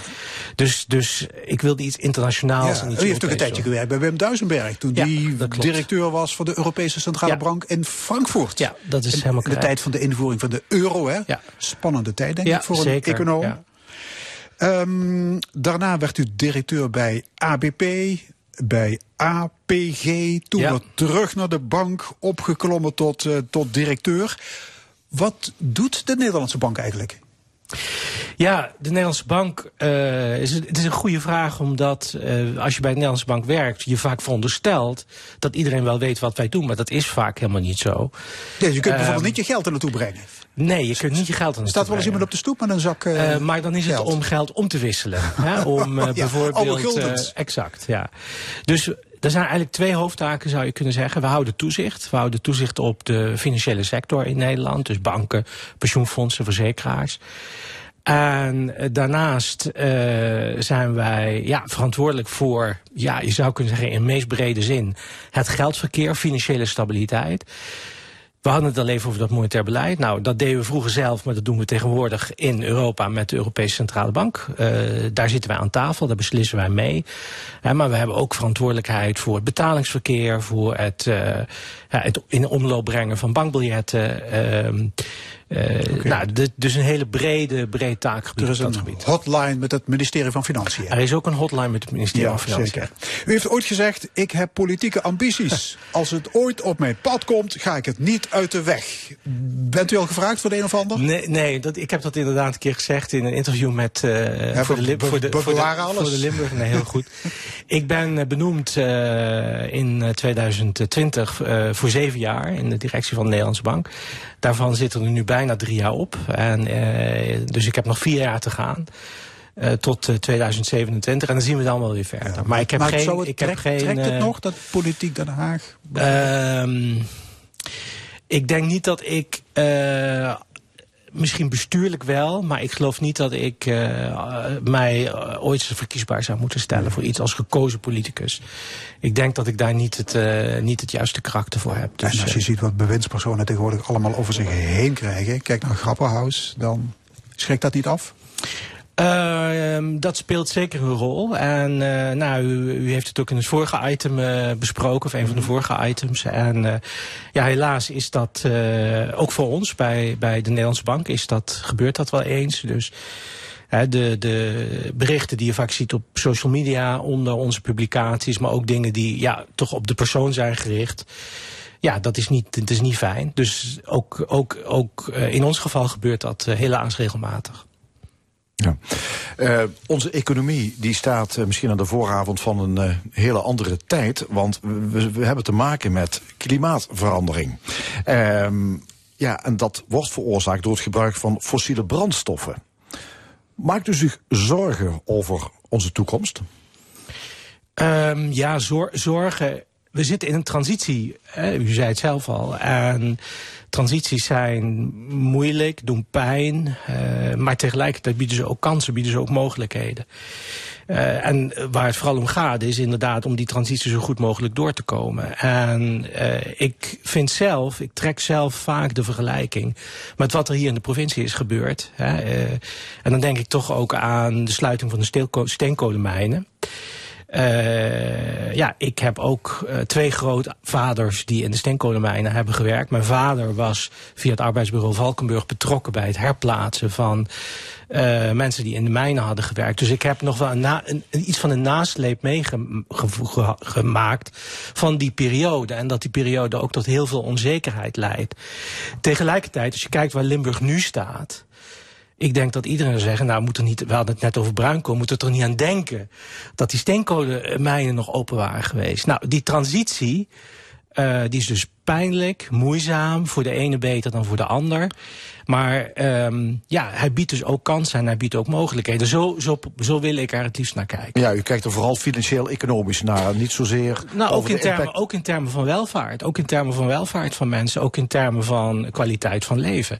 Ja. Uh, dus ook het sluiten van de steenkolenmijnen, denk ik, heeft er uiteindelijk, denk aan milieu en dat soort zaken, denk ik, toch wel voor gezorgd dat de provincie leefbaarder is geworden. Ja, ja. Zijn bedrijven en misschien ook investeerders zich voldoende bewust van de klimaatrisico's die we lopen? Ja, ik denk dat dat steeds, steeds meer het geval is.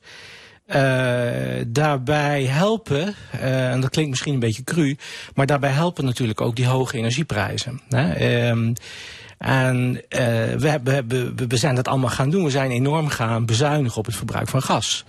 En we hebben, het hangt een beetje ervan af hoe je meet, maar we hebben ongeveer, we gebruiken een kwart minder gas dan uh, pak een beetje een jaar geleden. Dus en mensen gaan vervolgens ook allemaal nadenken, hoe kan ik mijn huis duurzamer maken? En bedrijven gaan kijken, hoe kan ik overschakelen naar andere energiebronnen? Dus uh, ik denk dat meer dan ooit, uh, en helaas door een oorzaak die, ja, uh, die nou niet echt de leukste is, meer dan ooit mensen bezig zijn met het thema. Ja, van de ene kant wel. Van de andere kant, kwam zojuist ook al aan bod, stoten we toch op dit moment heel veel fossiele ja. energie uit. Heel veel CO2, sorry, stoten we uit.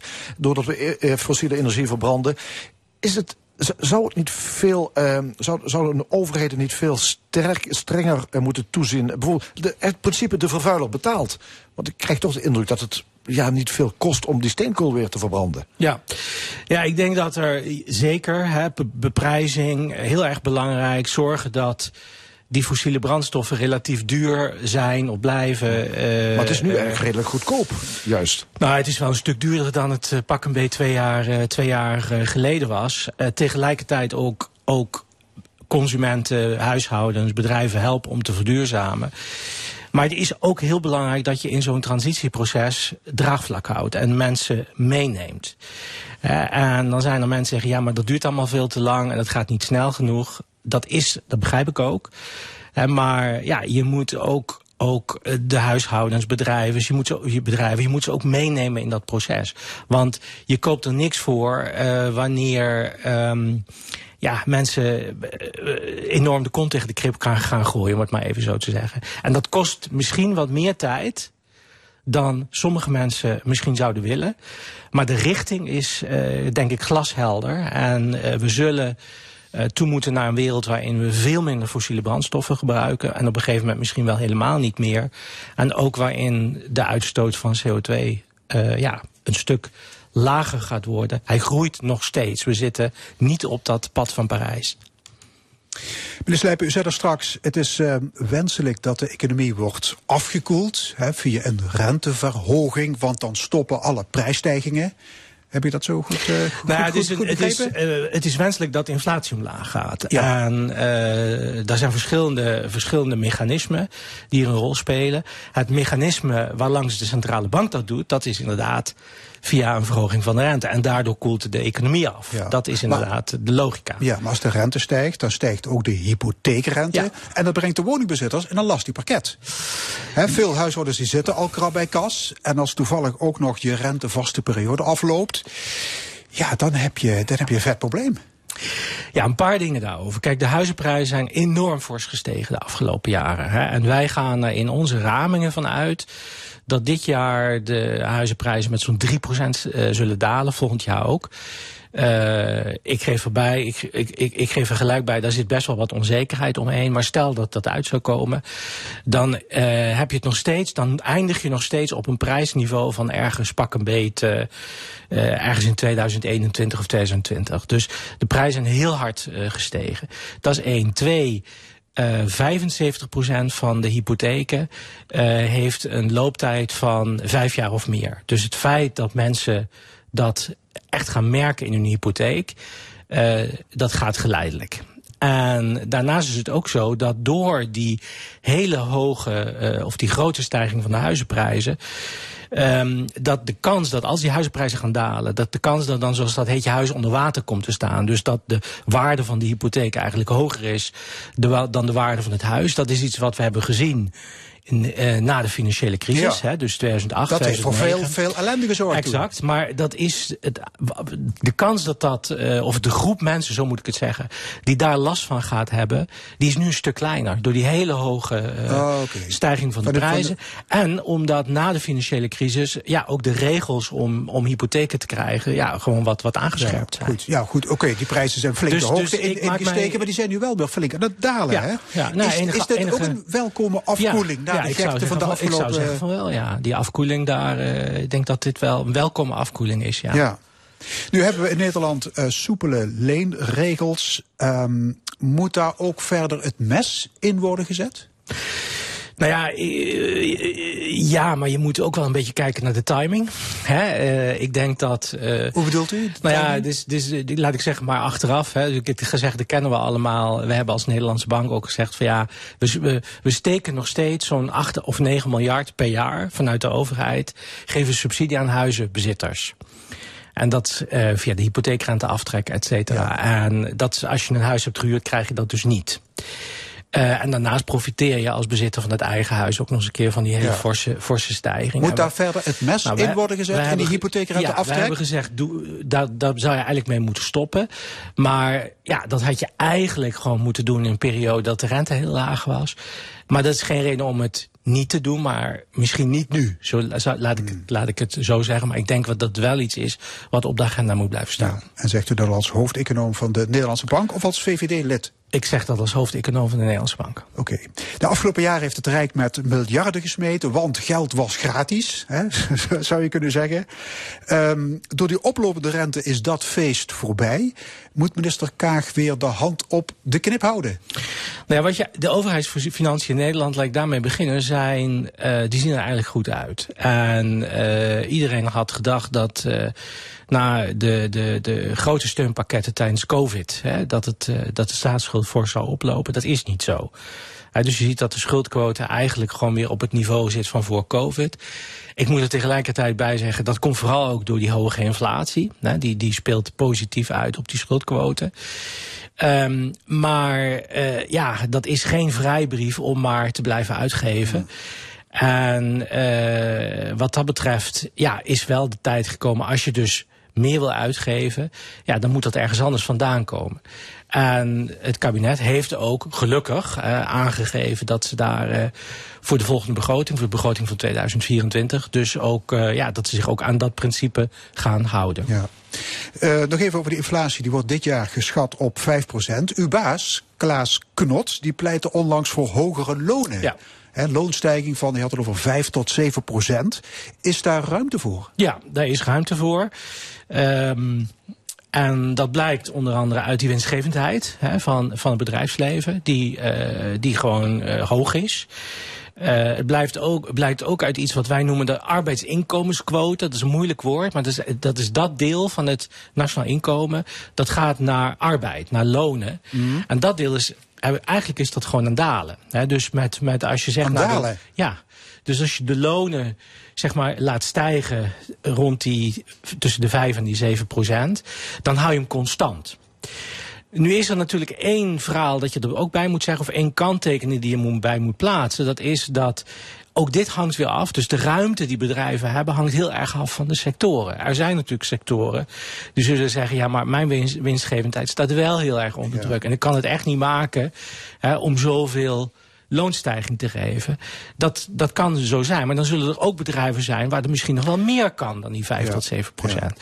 Maar over het algemeen, macroniveau, kun je best zeggen dat er ruimte is voor, voor dit soort loonstijgingen. want onze loonkosten liggen in vergelijking met andere landen in Europa fors onder, onder het gemiddelde. Ja, dat klopt. Dus dat kan. Uh, Oké. Goed, Olaf Slijpen, directielid van de Nederlandse Bank. Hartelijk dank voor uw komst.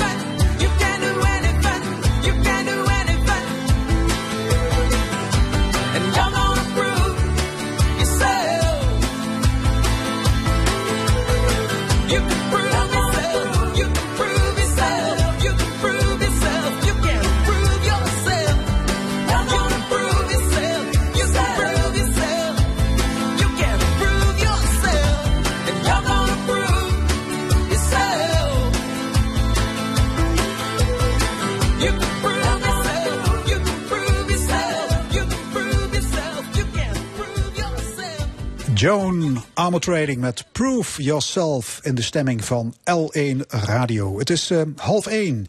Zo dadelijk het discussiepanel, maar eerst de column. Vandaag met een debuterende columnist. De column. Vandaag met Hugo Luiten. Rekenen.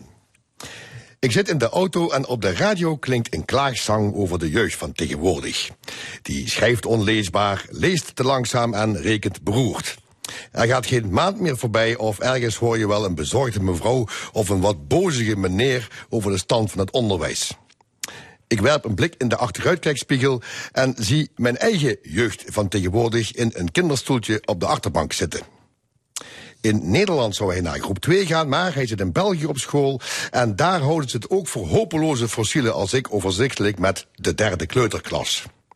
Of dat voor mijn kleine veel uitmaakt, weet ik niet, want hij verjaart ongunstig. Dat is typisch iets voor deze moderne tijd, ongunstig verjaren. Het is hetzelfde als de nadelige effecten van de klok verzetten, iets dat we onszelf aandoen. Maar enfin, hij hoort bij de oosten van de klas en je merkt dat hij het niveau stilaan wat beu is. Uitdaging, dat is het parool. Achter in de auto startte hij zijn vragenvuur. 20 en 13. Wat bedoel je, jongen? Ik ben zelf niet zo'n rekenaar, to put it mildly, en ging er zelfs even vanuit dat ik hem niet goed verstaan had. Jij moet voor mij rekenen, vervolgde hij bars. Alsof het een verhaaltje betrof waarmee ik af en toe mijn stembanden afbeul om boven het gebrom van de auto uit te loeien. Moet het erbij of eraf? vroeg ik gedwee. Mijn ontzag voor iedereen die zonder fysieke dwang aan het rekenen slaat is immens, dus ik smoorde zijn verzoek niet in de kiem. Erbij, zei hij, terwijl hij naar buiten keek om een hondje te bestuderen dat tegen een stapel vuilniszakken routineus zijn poot oplichtte. 33, antwoordde ik. Ik hoopte maar dat ik me niet vertelde, al zou het in zijn geval niet veel uitmaken als ik gemeld had dat dit 12.738 was. Dat is goed, oordeelde hij strenger dan de meester vroeger. Nu eraf. Zeven, meende ik. Dat klopt niet, vond hij. Net was het iets anders. Ik teisterde mijn linker hersenhalf hoe ik een kleuter van vijf en een half rekenlessen moeten geven en stelde vooral vast dat ik te weinig vingers had voor deze oefening. Voor ik het begin van een uitleg had geformuleerd, ging hij alweer verder. Als je hersenen kapot gaan, krijg je dan nieuwe? Verbluft staarde ik in de achteruitkijkspiegel. De hersenen, klonk het ongeduldig. Die zitten hier, in de schedel. Hij tikte driftig tegen zijn hoofd, de wanten nog aan zijn handjes. Opgelucht dat het rekensprookje kennelijk te langdradig was, begon ik aan een exposé over de werking van het brein. De hersenen zeggen tegen je neusje dat je moet ruiken, tegen je oogjes dat je moet kijken, tegen... Mijn hersenen zeggen dat ik daar niet naar die takken daar moet kijken, onderbrak hij mijn vertoog. Waarom is dat? Er zitten niet eens blaadjes aan. Sommige mensen kijken naar de takken om er een schilderij van te maken. Stuurde ik het gesprek behendig naar de schone kunsten. Of om er een verhaal over te vertellen. Jij moet ook nieuwe hersenen, antwoordde hij zonder zijn blik van de langszoevende bomen af te wenden. Aan zijn logisch denkvermogen mankeert in elk geval niets. De eerste column van Hugo Luiten. In het uh, opiniepanel bespreken we taaie verzet tegen bruinkoolwinning vlak over de Limburgse grens, voorrang voor statushouders op de woningmarkt in Horst en de Maas, een strafrechtelijk onderzoek naar de leus White Lives Matter op het UWV-gebouw in Venlo en wellicht nog veel meer. Het panel van vandaag stel ik aan u voor. Uh, dat is oud SP Tweede Kamerlid Jan de Wit en voormalig CDA Eerste Kamerlid Karel Leunissen. Heren, welkom. In het uh, vlak over de grens gelegen Lutzeraad verzetten activisten zich tegen de sloop van het dorp. Uh, de huizen moeten plaatsmaken voor de winning van bruinkool. He, nog een handjevol bezetters heeft zich verschanst voor de politie. Wie van jullie heeft er sympathie voor de klimaatactivisten? Ik. Jan de Wet, SP? Ja. Jazeker. Uh, ik heb zelfs uh, diep respect voor uh, de, de vasthoudendheid en eigenlijk het, het gevecht om het behoud of verbetering van het klimaat. Want daar gaat het natuurlijk om. Het, gaat, het, het vindt plaats in een dorpje van een paar honderd mensen. Maar het, het staat natuurlijk symbool, althans in mijn mening. Het is gewoon het symbool voor het verzet van het foute beleid in Duitsland. zeker omdat bruinkool is de slechtste energievoorziening die je kunt... Uh, de grootste milieuschade wordt aangericht door uh, de uitstoot van uh, die bruinkool die verbrand wordt. Karel Leunissen, respect voor de activisten? zeker respect. Ehm, het, die die uh, demonstraties zijn eigenlijk al twee jaar. Hè, want het is al heel lang voorzien dat die bruinkoolwinning daar zou gaan plaatsvinden. In dat gebied zijn al meerdere dorpen gesneuveld natuurlijk. In het kader van die bruinkoolwinning. En uh, ja, omdat het nu staat te gebeuren. De machines zijn in aantocht. Ja, dan escaleert dat enigszins. En dat was heel respectvol gebeurde dat die demonstratie en dat protest. Maar het begint nu toch een beetje heftig te worden, omdat natuurlijk allerlei beroepsdemonstranten daar naartoe komen.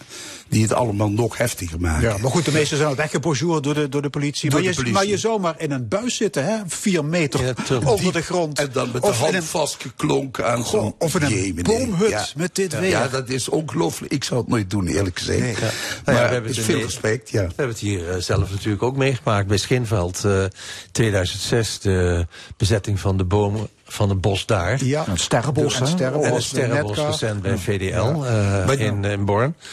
Eh, maar daar, daar ging het in wezen wel om andere, om andere zaken. Maar eh, in essentie gaat het erom dat de overheid, en het was toen in Schinveld ook, de overheid dwars tegen de belangen van de natuur en tegen de, de mening van mensen in dat de natuur behouden moet blijven, gewoon zijn gang gaat en alles uh, maar, maar, dat is ook het grote probleem, hè? Dat eh, het, het, het- de aandacht wordt een beetje afgeleid van het slechte beleid van de Duitse regering. In het Duits heet de kolen, dat staat voor geld, maar ook voor kolen.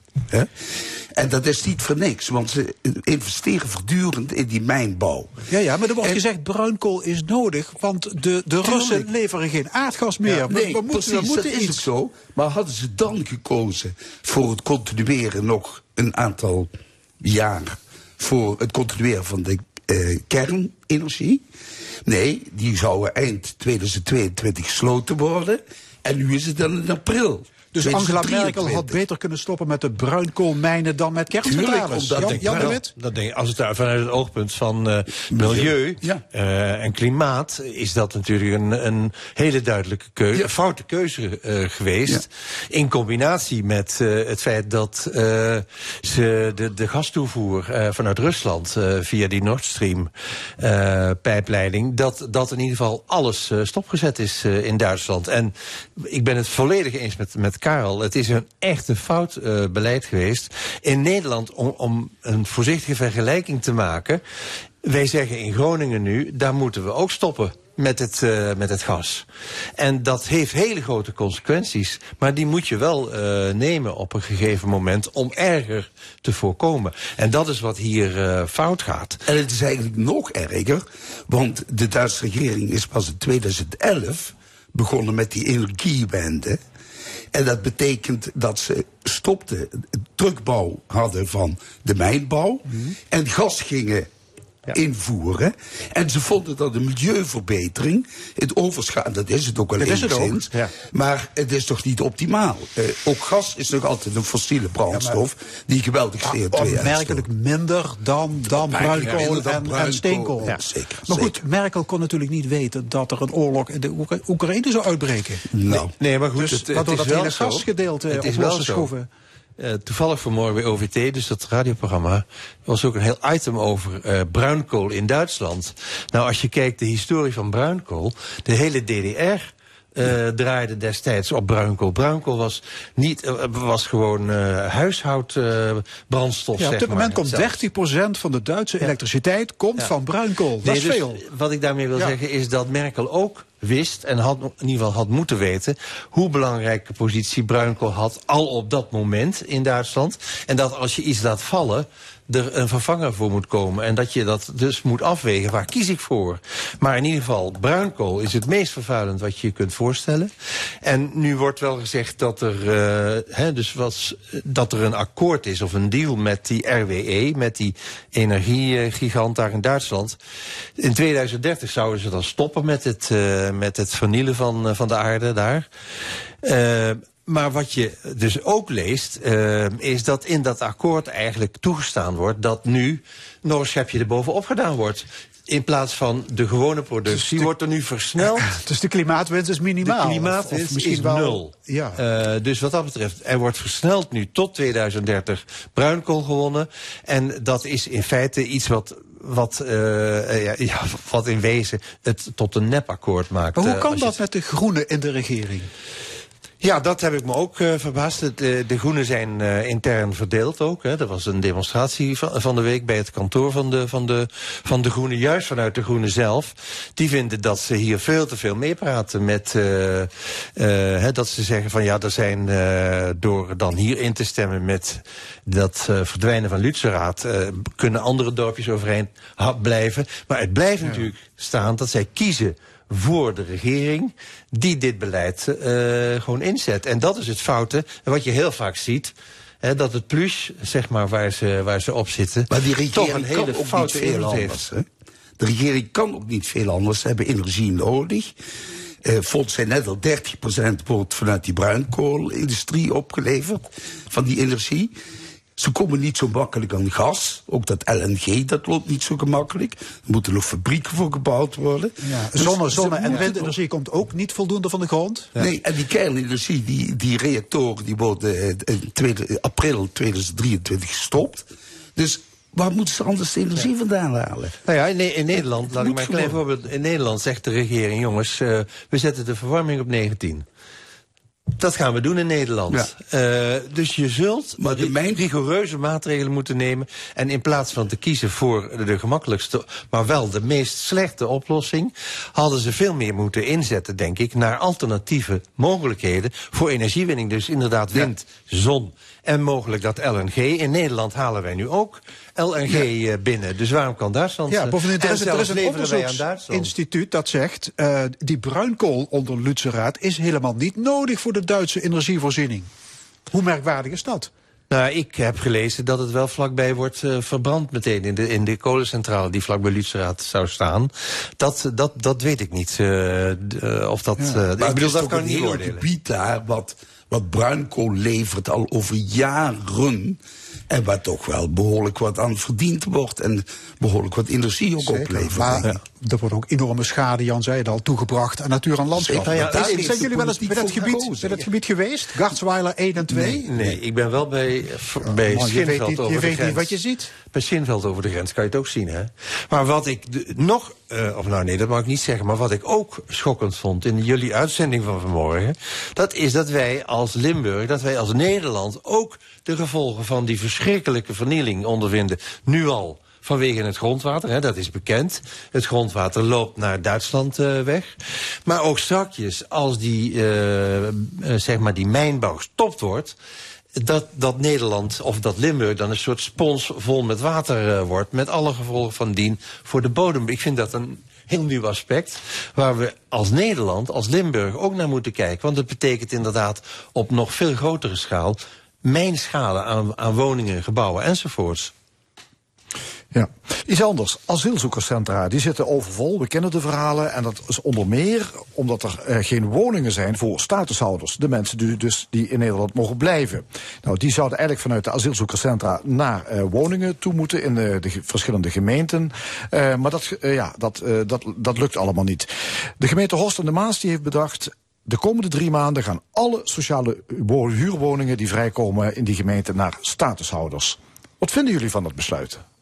Nou, het is, is begrijpelijk. Hè. Ze, ze moeten voldoen aan de wetten die uh, daar nu voor staan. Hè. Ze moeten zorgen dat uh, de hen toebedeelde aantallen statushouders gehuisvest worden.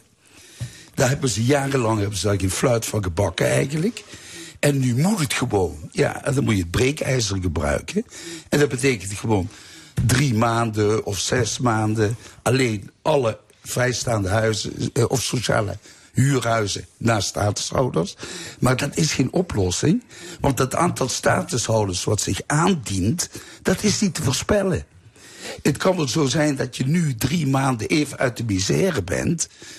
En mensen die, gewone Nederlanders hebben daar last van, want die kijken dan geen huurwoning. Maar na drie maanden zijn er weer statushouders die weer gehuisvest moeten worden. Dus de oplossing van het probleem zit er alleen, kan alleen maar geboden worden als er meer huizen gebouwd worden. En dat hebben ze niet gedaan. En dat staat niet in de planning. En dat doe je ook niet van vandaag op morgen. Dus ze lopen gewoon achter de feiten aan. Ja, en is het dan uit te leggen dat je zegt drie maanden gaan alle sociale huurwoningen naar statushouders Jan de Wit? Uh, ik denk dat je hier met de rug tegen de muur staat en dat je het dus zult moeten uitleggen dat je dit doet. Utrecht, hè, de, de stad Utrecht heeft dat ook, uh, ook gedaan, maar hier, hier zie je precies eigen schuld uh, dikke bult. Um, als, als er nu gezegd wordt, hè, en dat is triest genoeg, sluit eigenlijk aan bij wat Karel zegt. Er zijn dus in Horst aan de Maas mensen die acht jaar op de wachtlijst staan voor een woning. Nou, dat is precies de enorme blunder die ze daar dag in dag uit jarenlang gemaakt hebben... door geen aandacht te besteden, kennelijk, aan nieuwe woningbouw voor bijvoorbeeld sociale woningbouw. Ja. Dus uh, in, in, en nu wordt dan gezegd, ja, en de mensen worden opgezet tegen die asielzoekers, want die krijgen geen huis.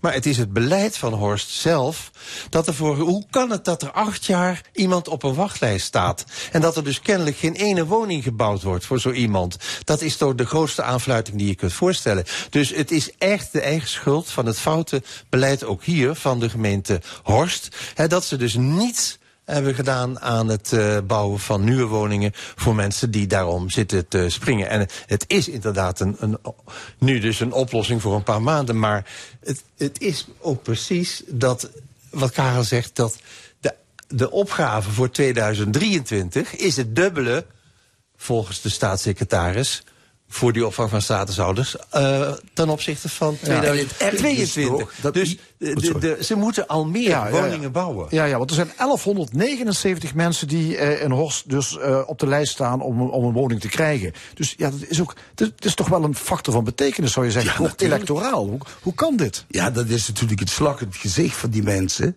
die al jarenlang op zijn wachtlijst staan en die nu gepasseerd worden omdat die gemeente gefaald heeft en nog langer moeten gaan ja. wachten. En dan zou je zeggen, drie maanden, dat is niet zoveel, hè, maar zo lang.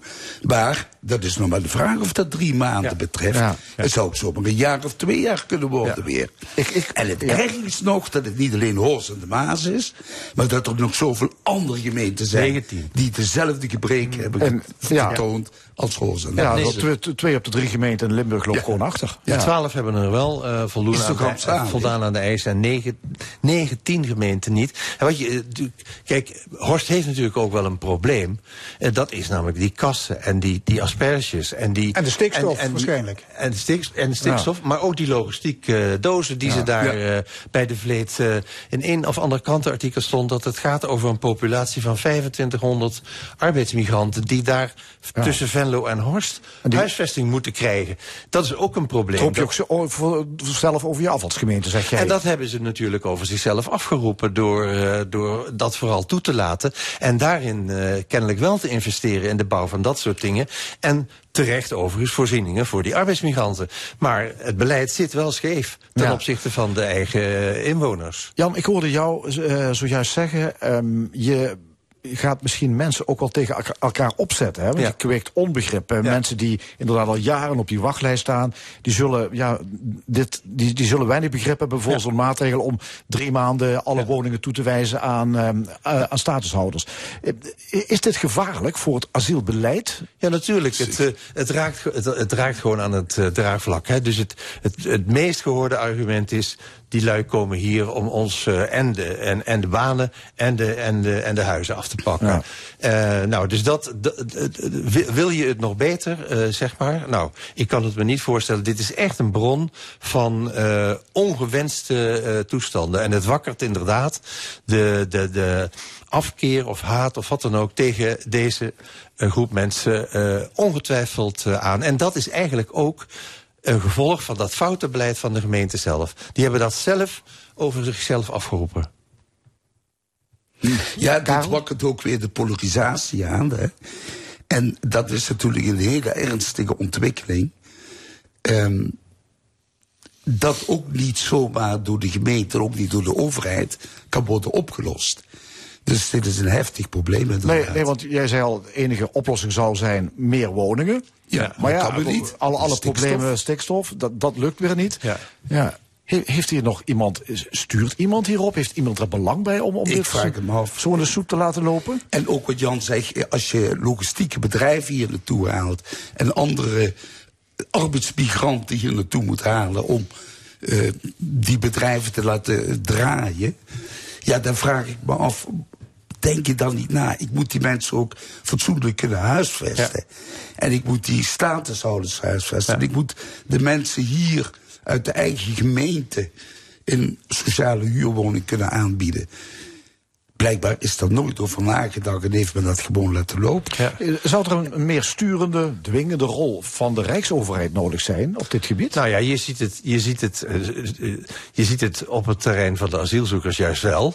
Hè, dat dus nu er een wet is die eh, ook met, eh, met dwang eh, eh, kan realiseren dat er opvang is voor spreidingswet. Dus de spreidingswet. En dus wat dat betreft heeft de overheid wel, wel mogelijkheden. Maar ja, je ziet vaak de keuze, eh, ook bij, bij andere onderwerpen, zie je toch vaak de keuze voor de economie. Eh, dus laten we maar investeren in die, in die grote dozen die daar overal eh, staan.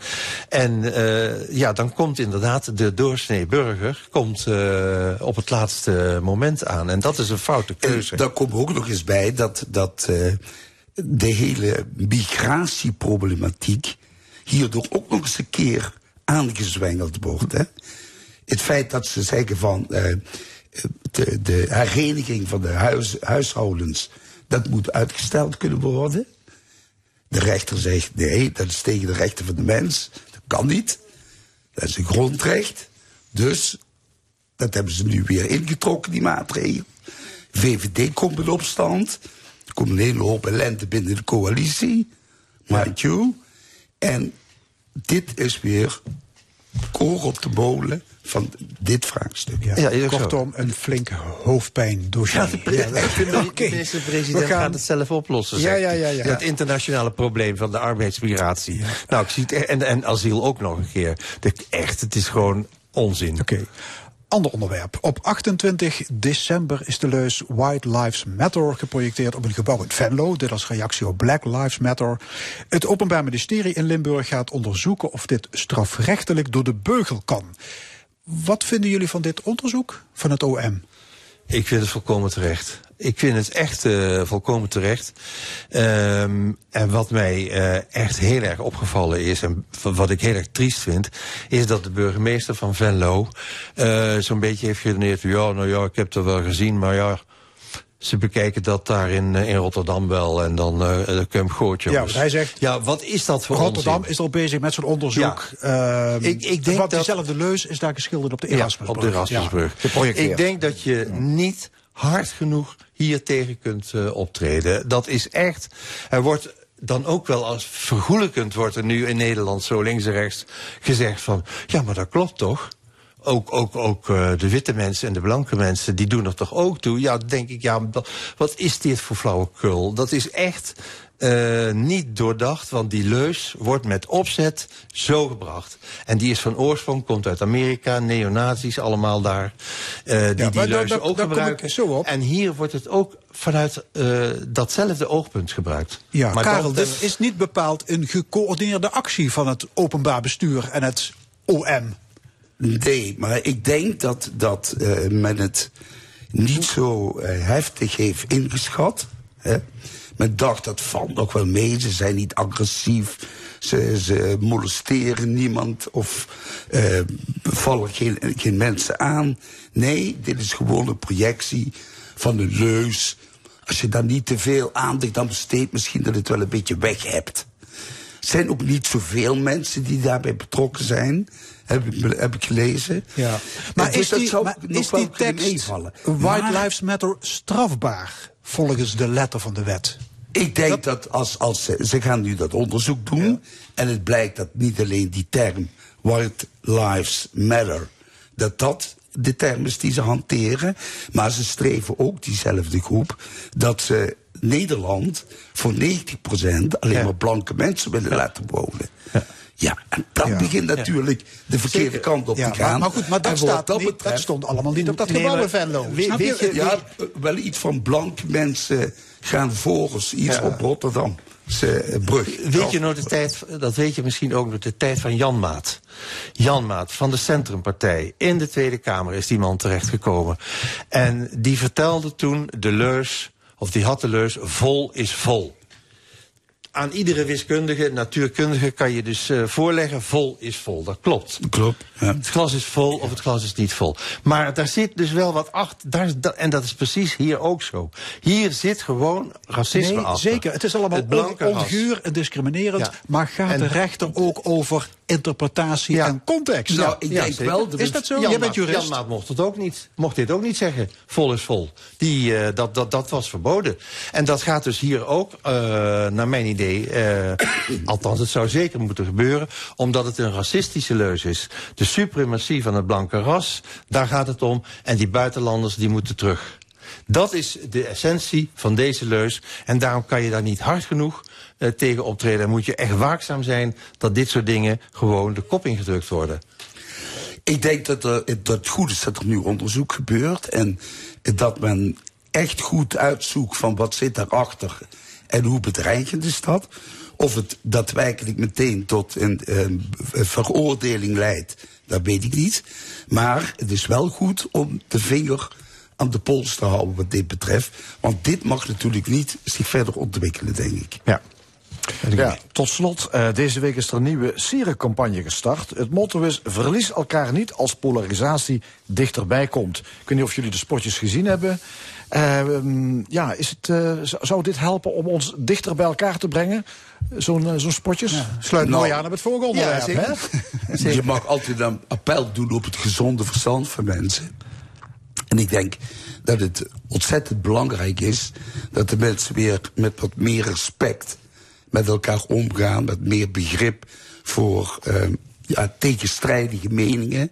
Hè, maar toch constructief blijven dat ze gezamenlijk iets van deze maatschappij en van dit land moeten maken. Is dat, is dat anders? Want we zijn, we zijn natuurlijk al jaren met dat elkaar in discussie. is. Ja. Het is echt die polarisatie, die neemt verschrikkelijk toe. En die verhardt ook. En eh, mensen staan echt tegenover elkaar. En, en gewelddadig tegenover elkaar zelfs. Ja, ik, ik, en dat ik- is een hele slechte ontwikkeling. Ik, ik deel de analyse van, eh, van, eh, van Karel. Ehm, het is nog nooit zo erg geweest, zou je kunnen zeggen, op de sociale media. Maar ook als je kijkt naar het eh, aantal bedreigingen. Dat, er was ergens een uitzending van de week over. Er stonden echt te kijken hoeveel mensen er op dit moment vanwege bedreigingen beveiligd moeten worden. En dat, dat is dan de ergste categorie natuurlijk. Dus je kan zeggen, die leus hè, eh, is wat moeilijk. Die, die, die gaat er niet zo lekker in natuurlijk. Maar ik vind wel dat, eh, dat het heel goed is dat dit signaal wordt eh, afgegeven. Dat, dat het in ieder geval zichtbaar wordt gemaakt. En of het meteen tot gedragsverandering zal leiden, dat is de vraag. Maar we moeten het gewoon doen. Hartelijk dank, discussiepanel. De tijd is om. Eh, hartelijk dank Jan de Wit en Karel Leunissen. Tot de volgende keer. Dit was de stemming, vandaag gemaakt door Tino Hellebrand, Fons Geraas en Frank Ruber. Graag tot volgende week zondag en dan weer om 11 uur. Dit programma is na te luisteren op onze website l1.nl. Ik wens u nog een hele mooie zondag.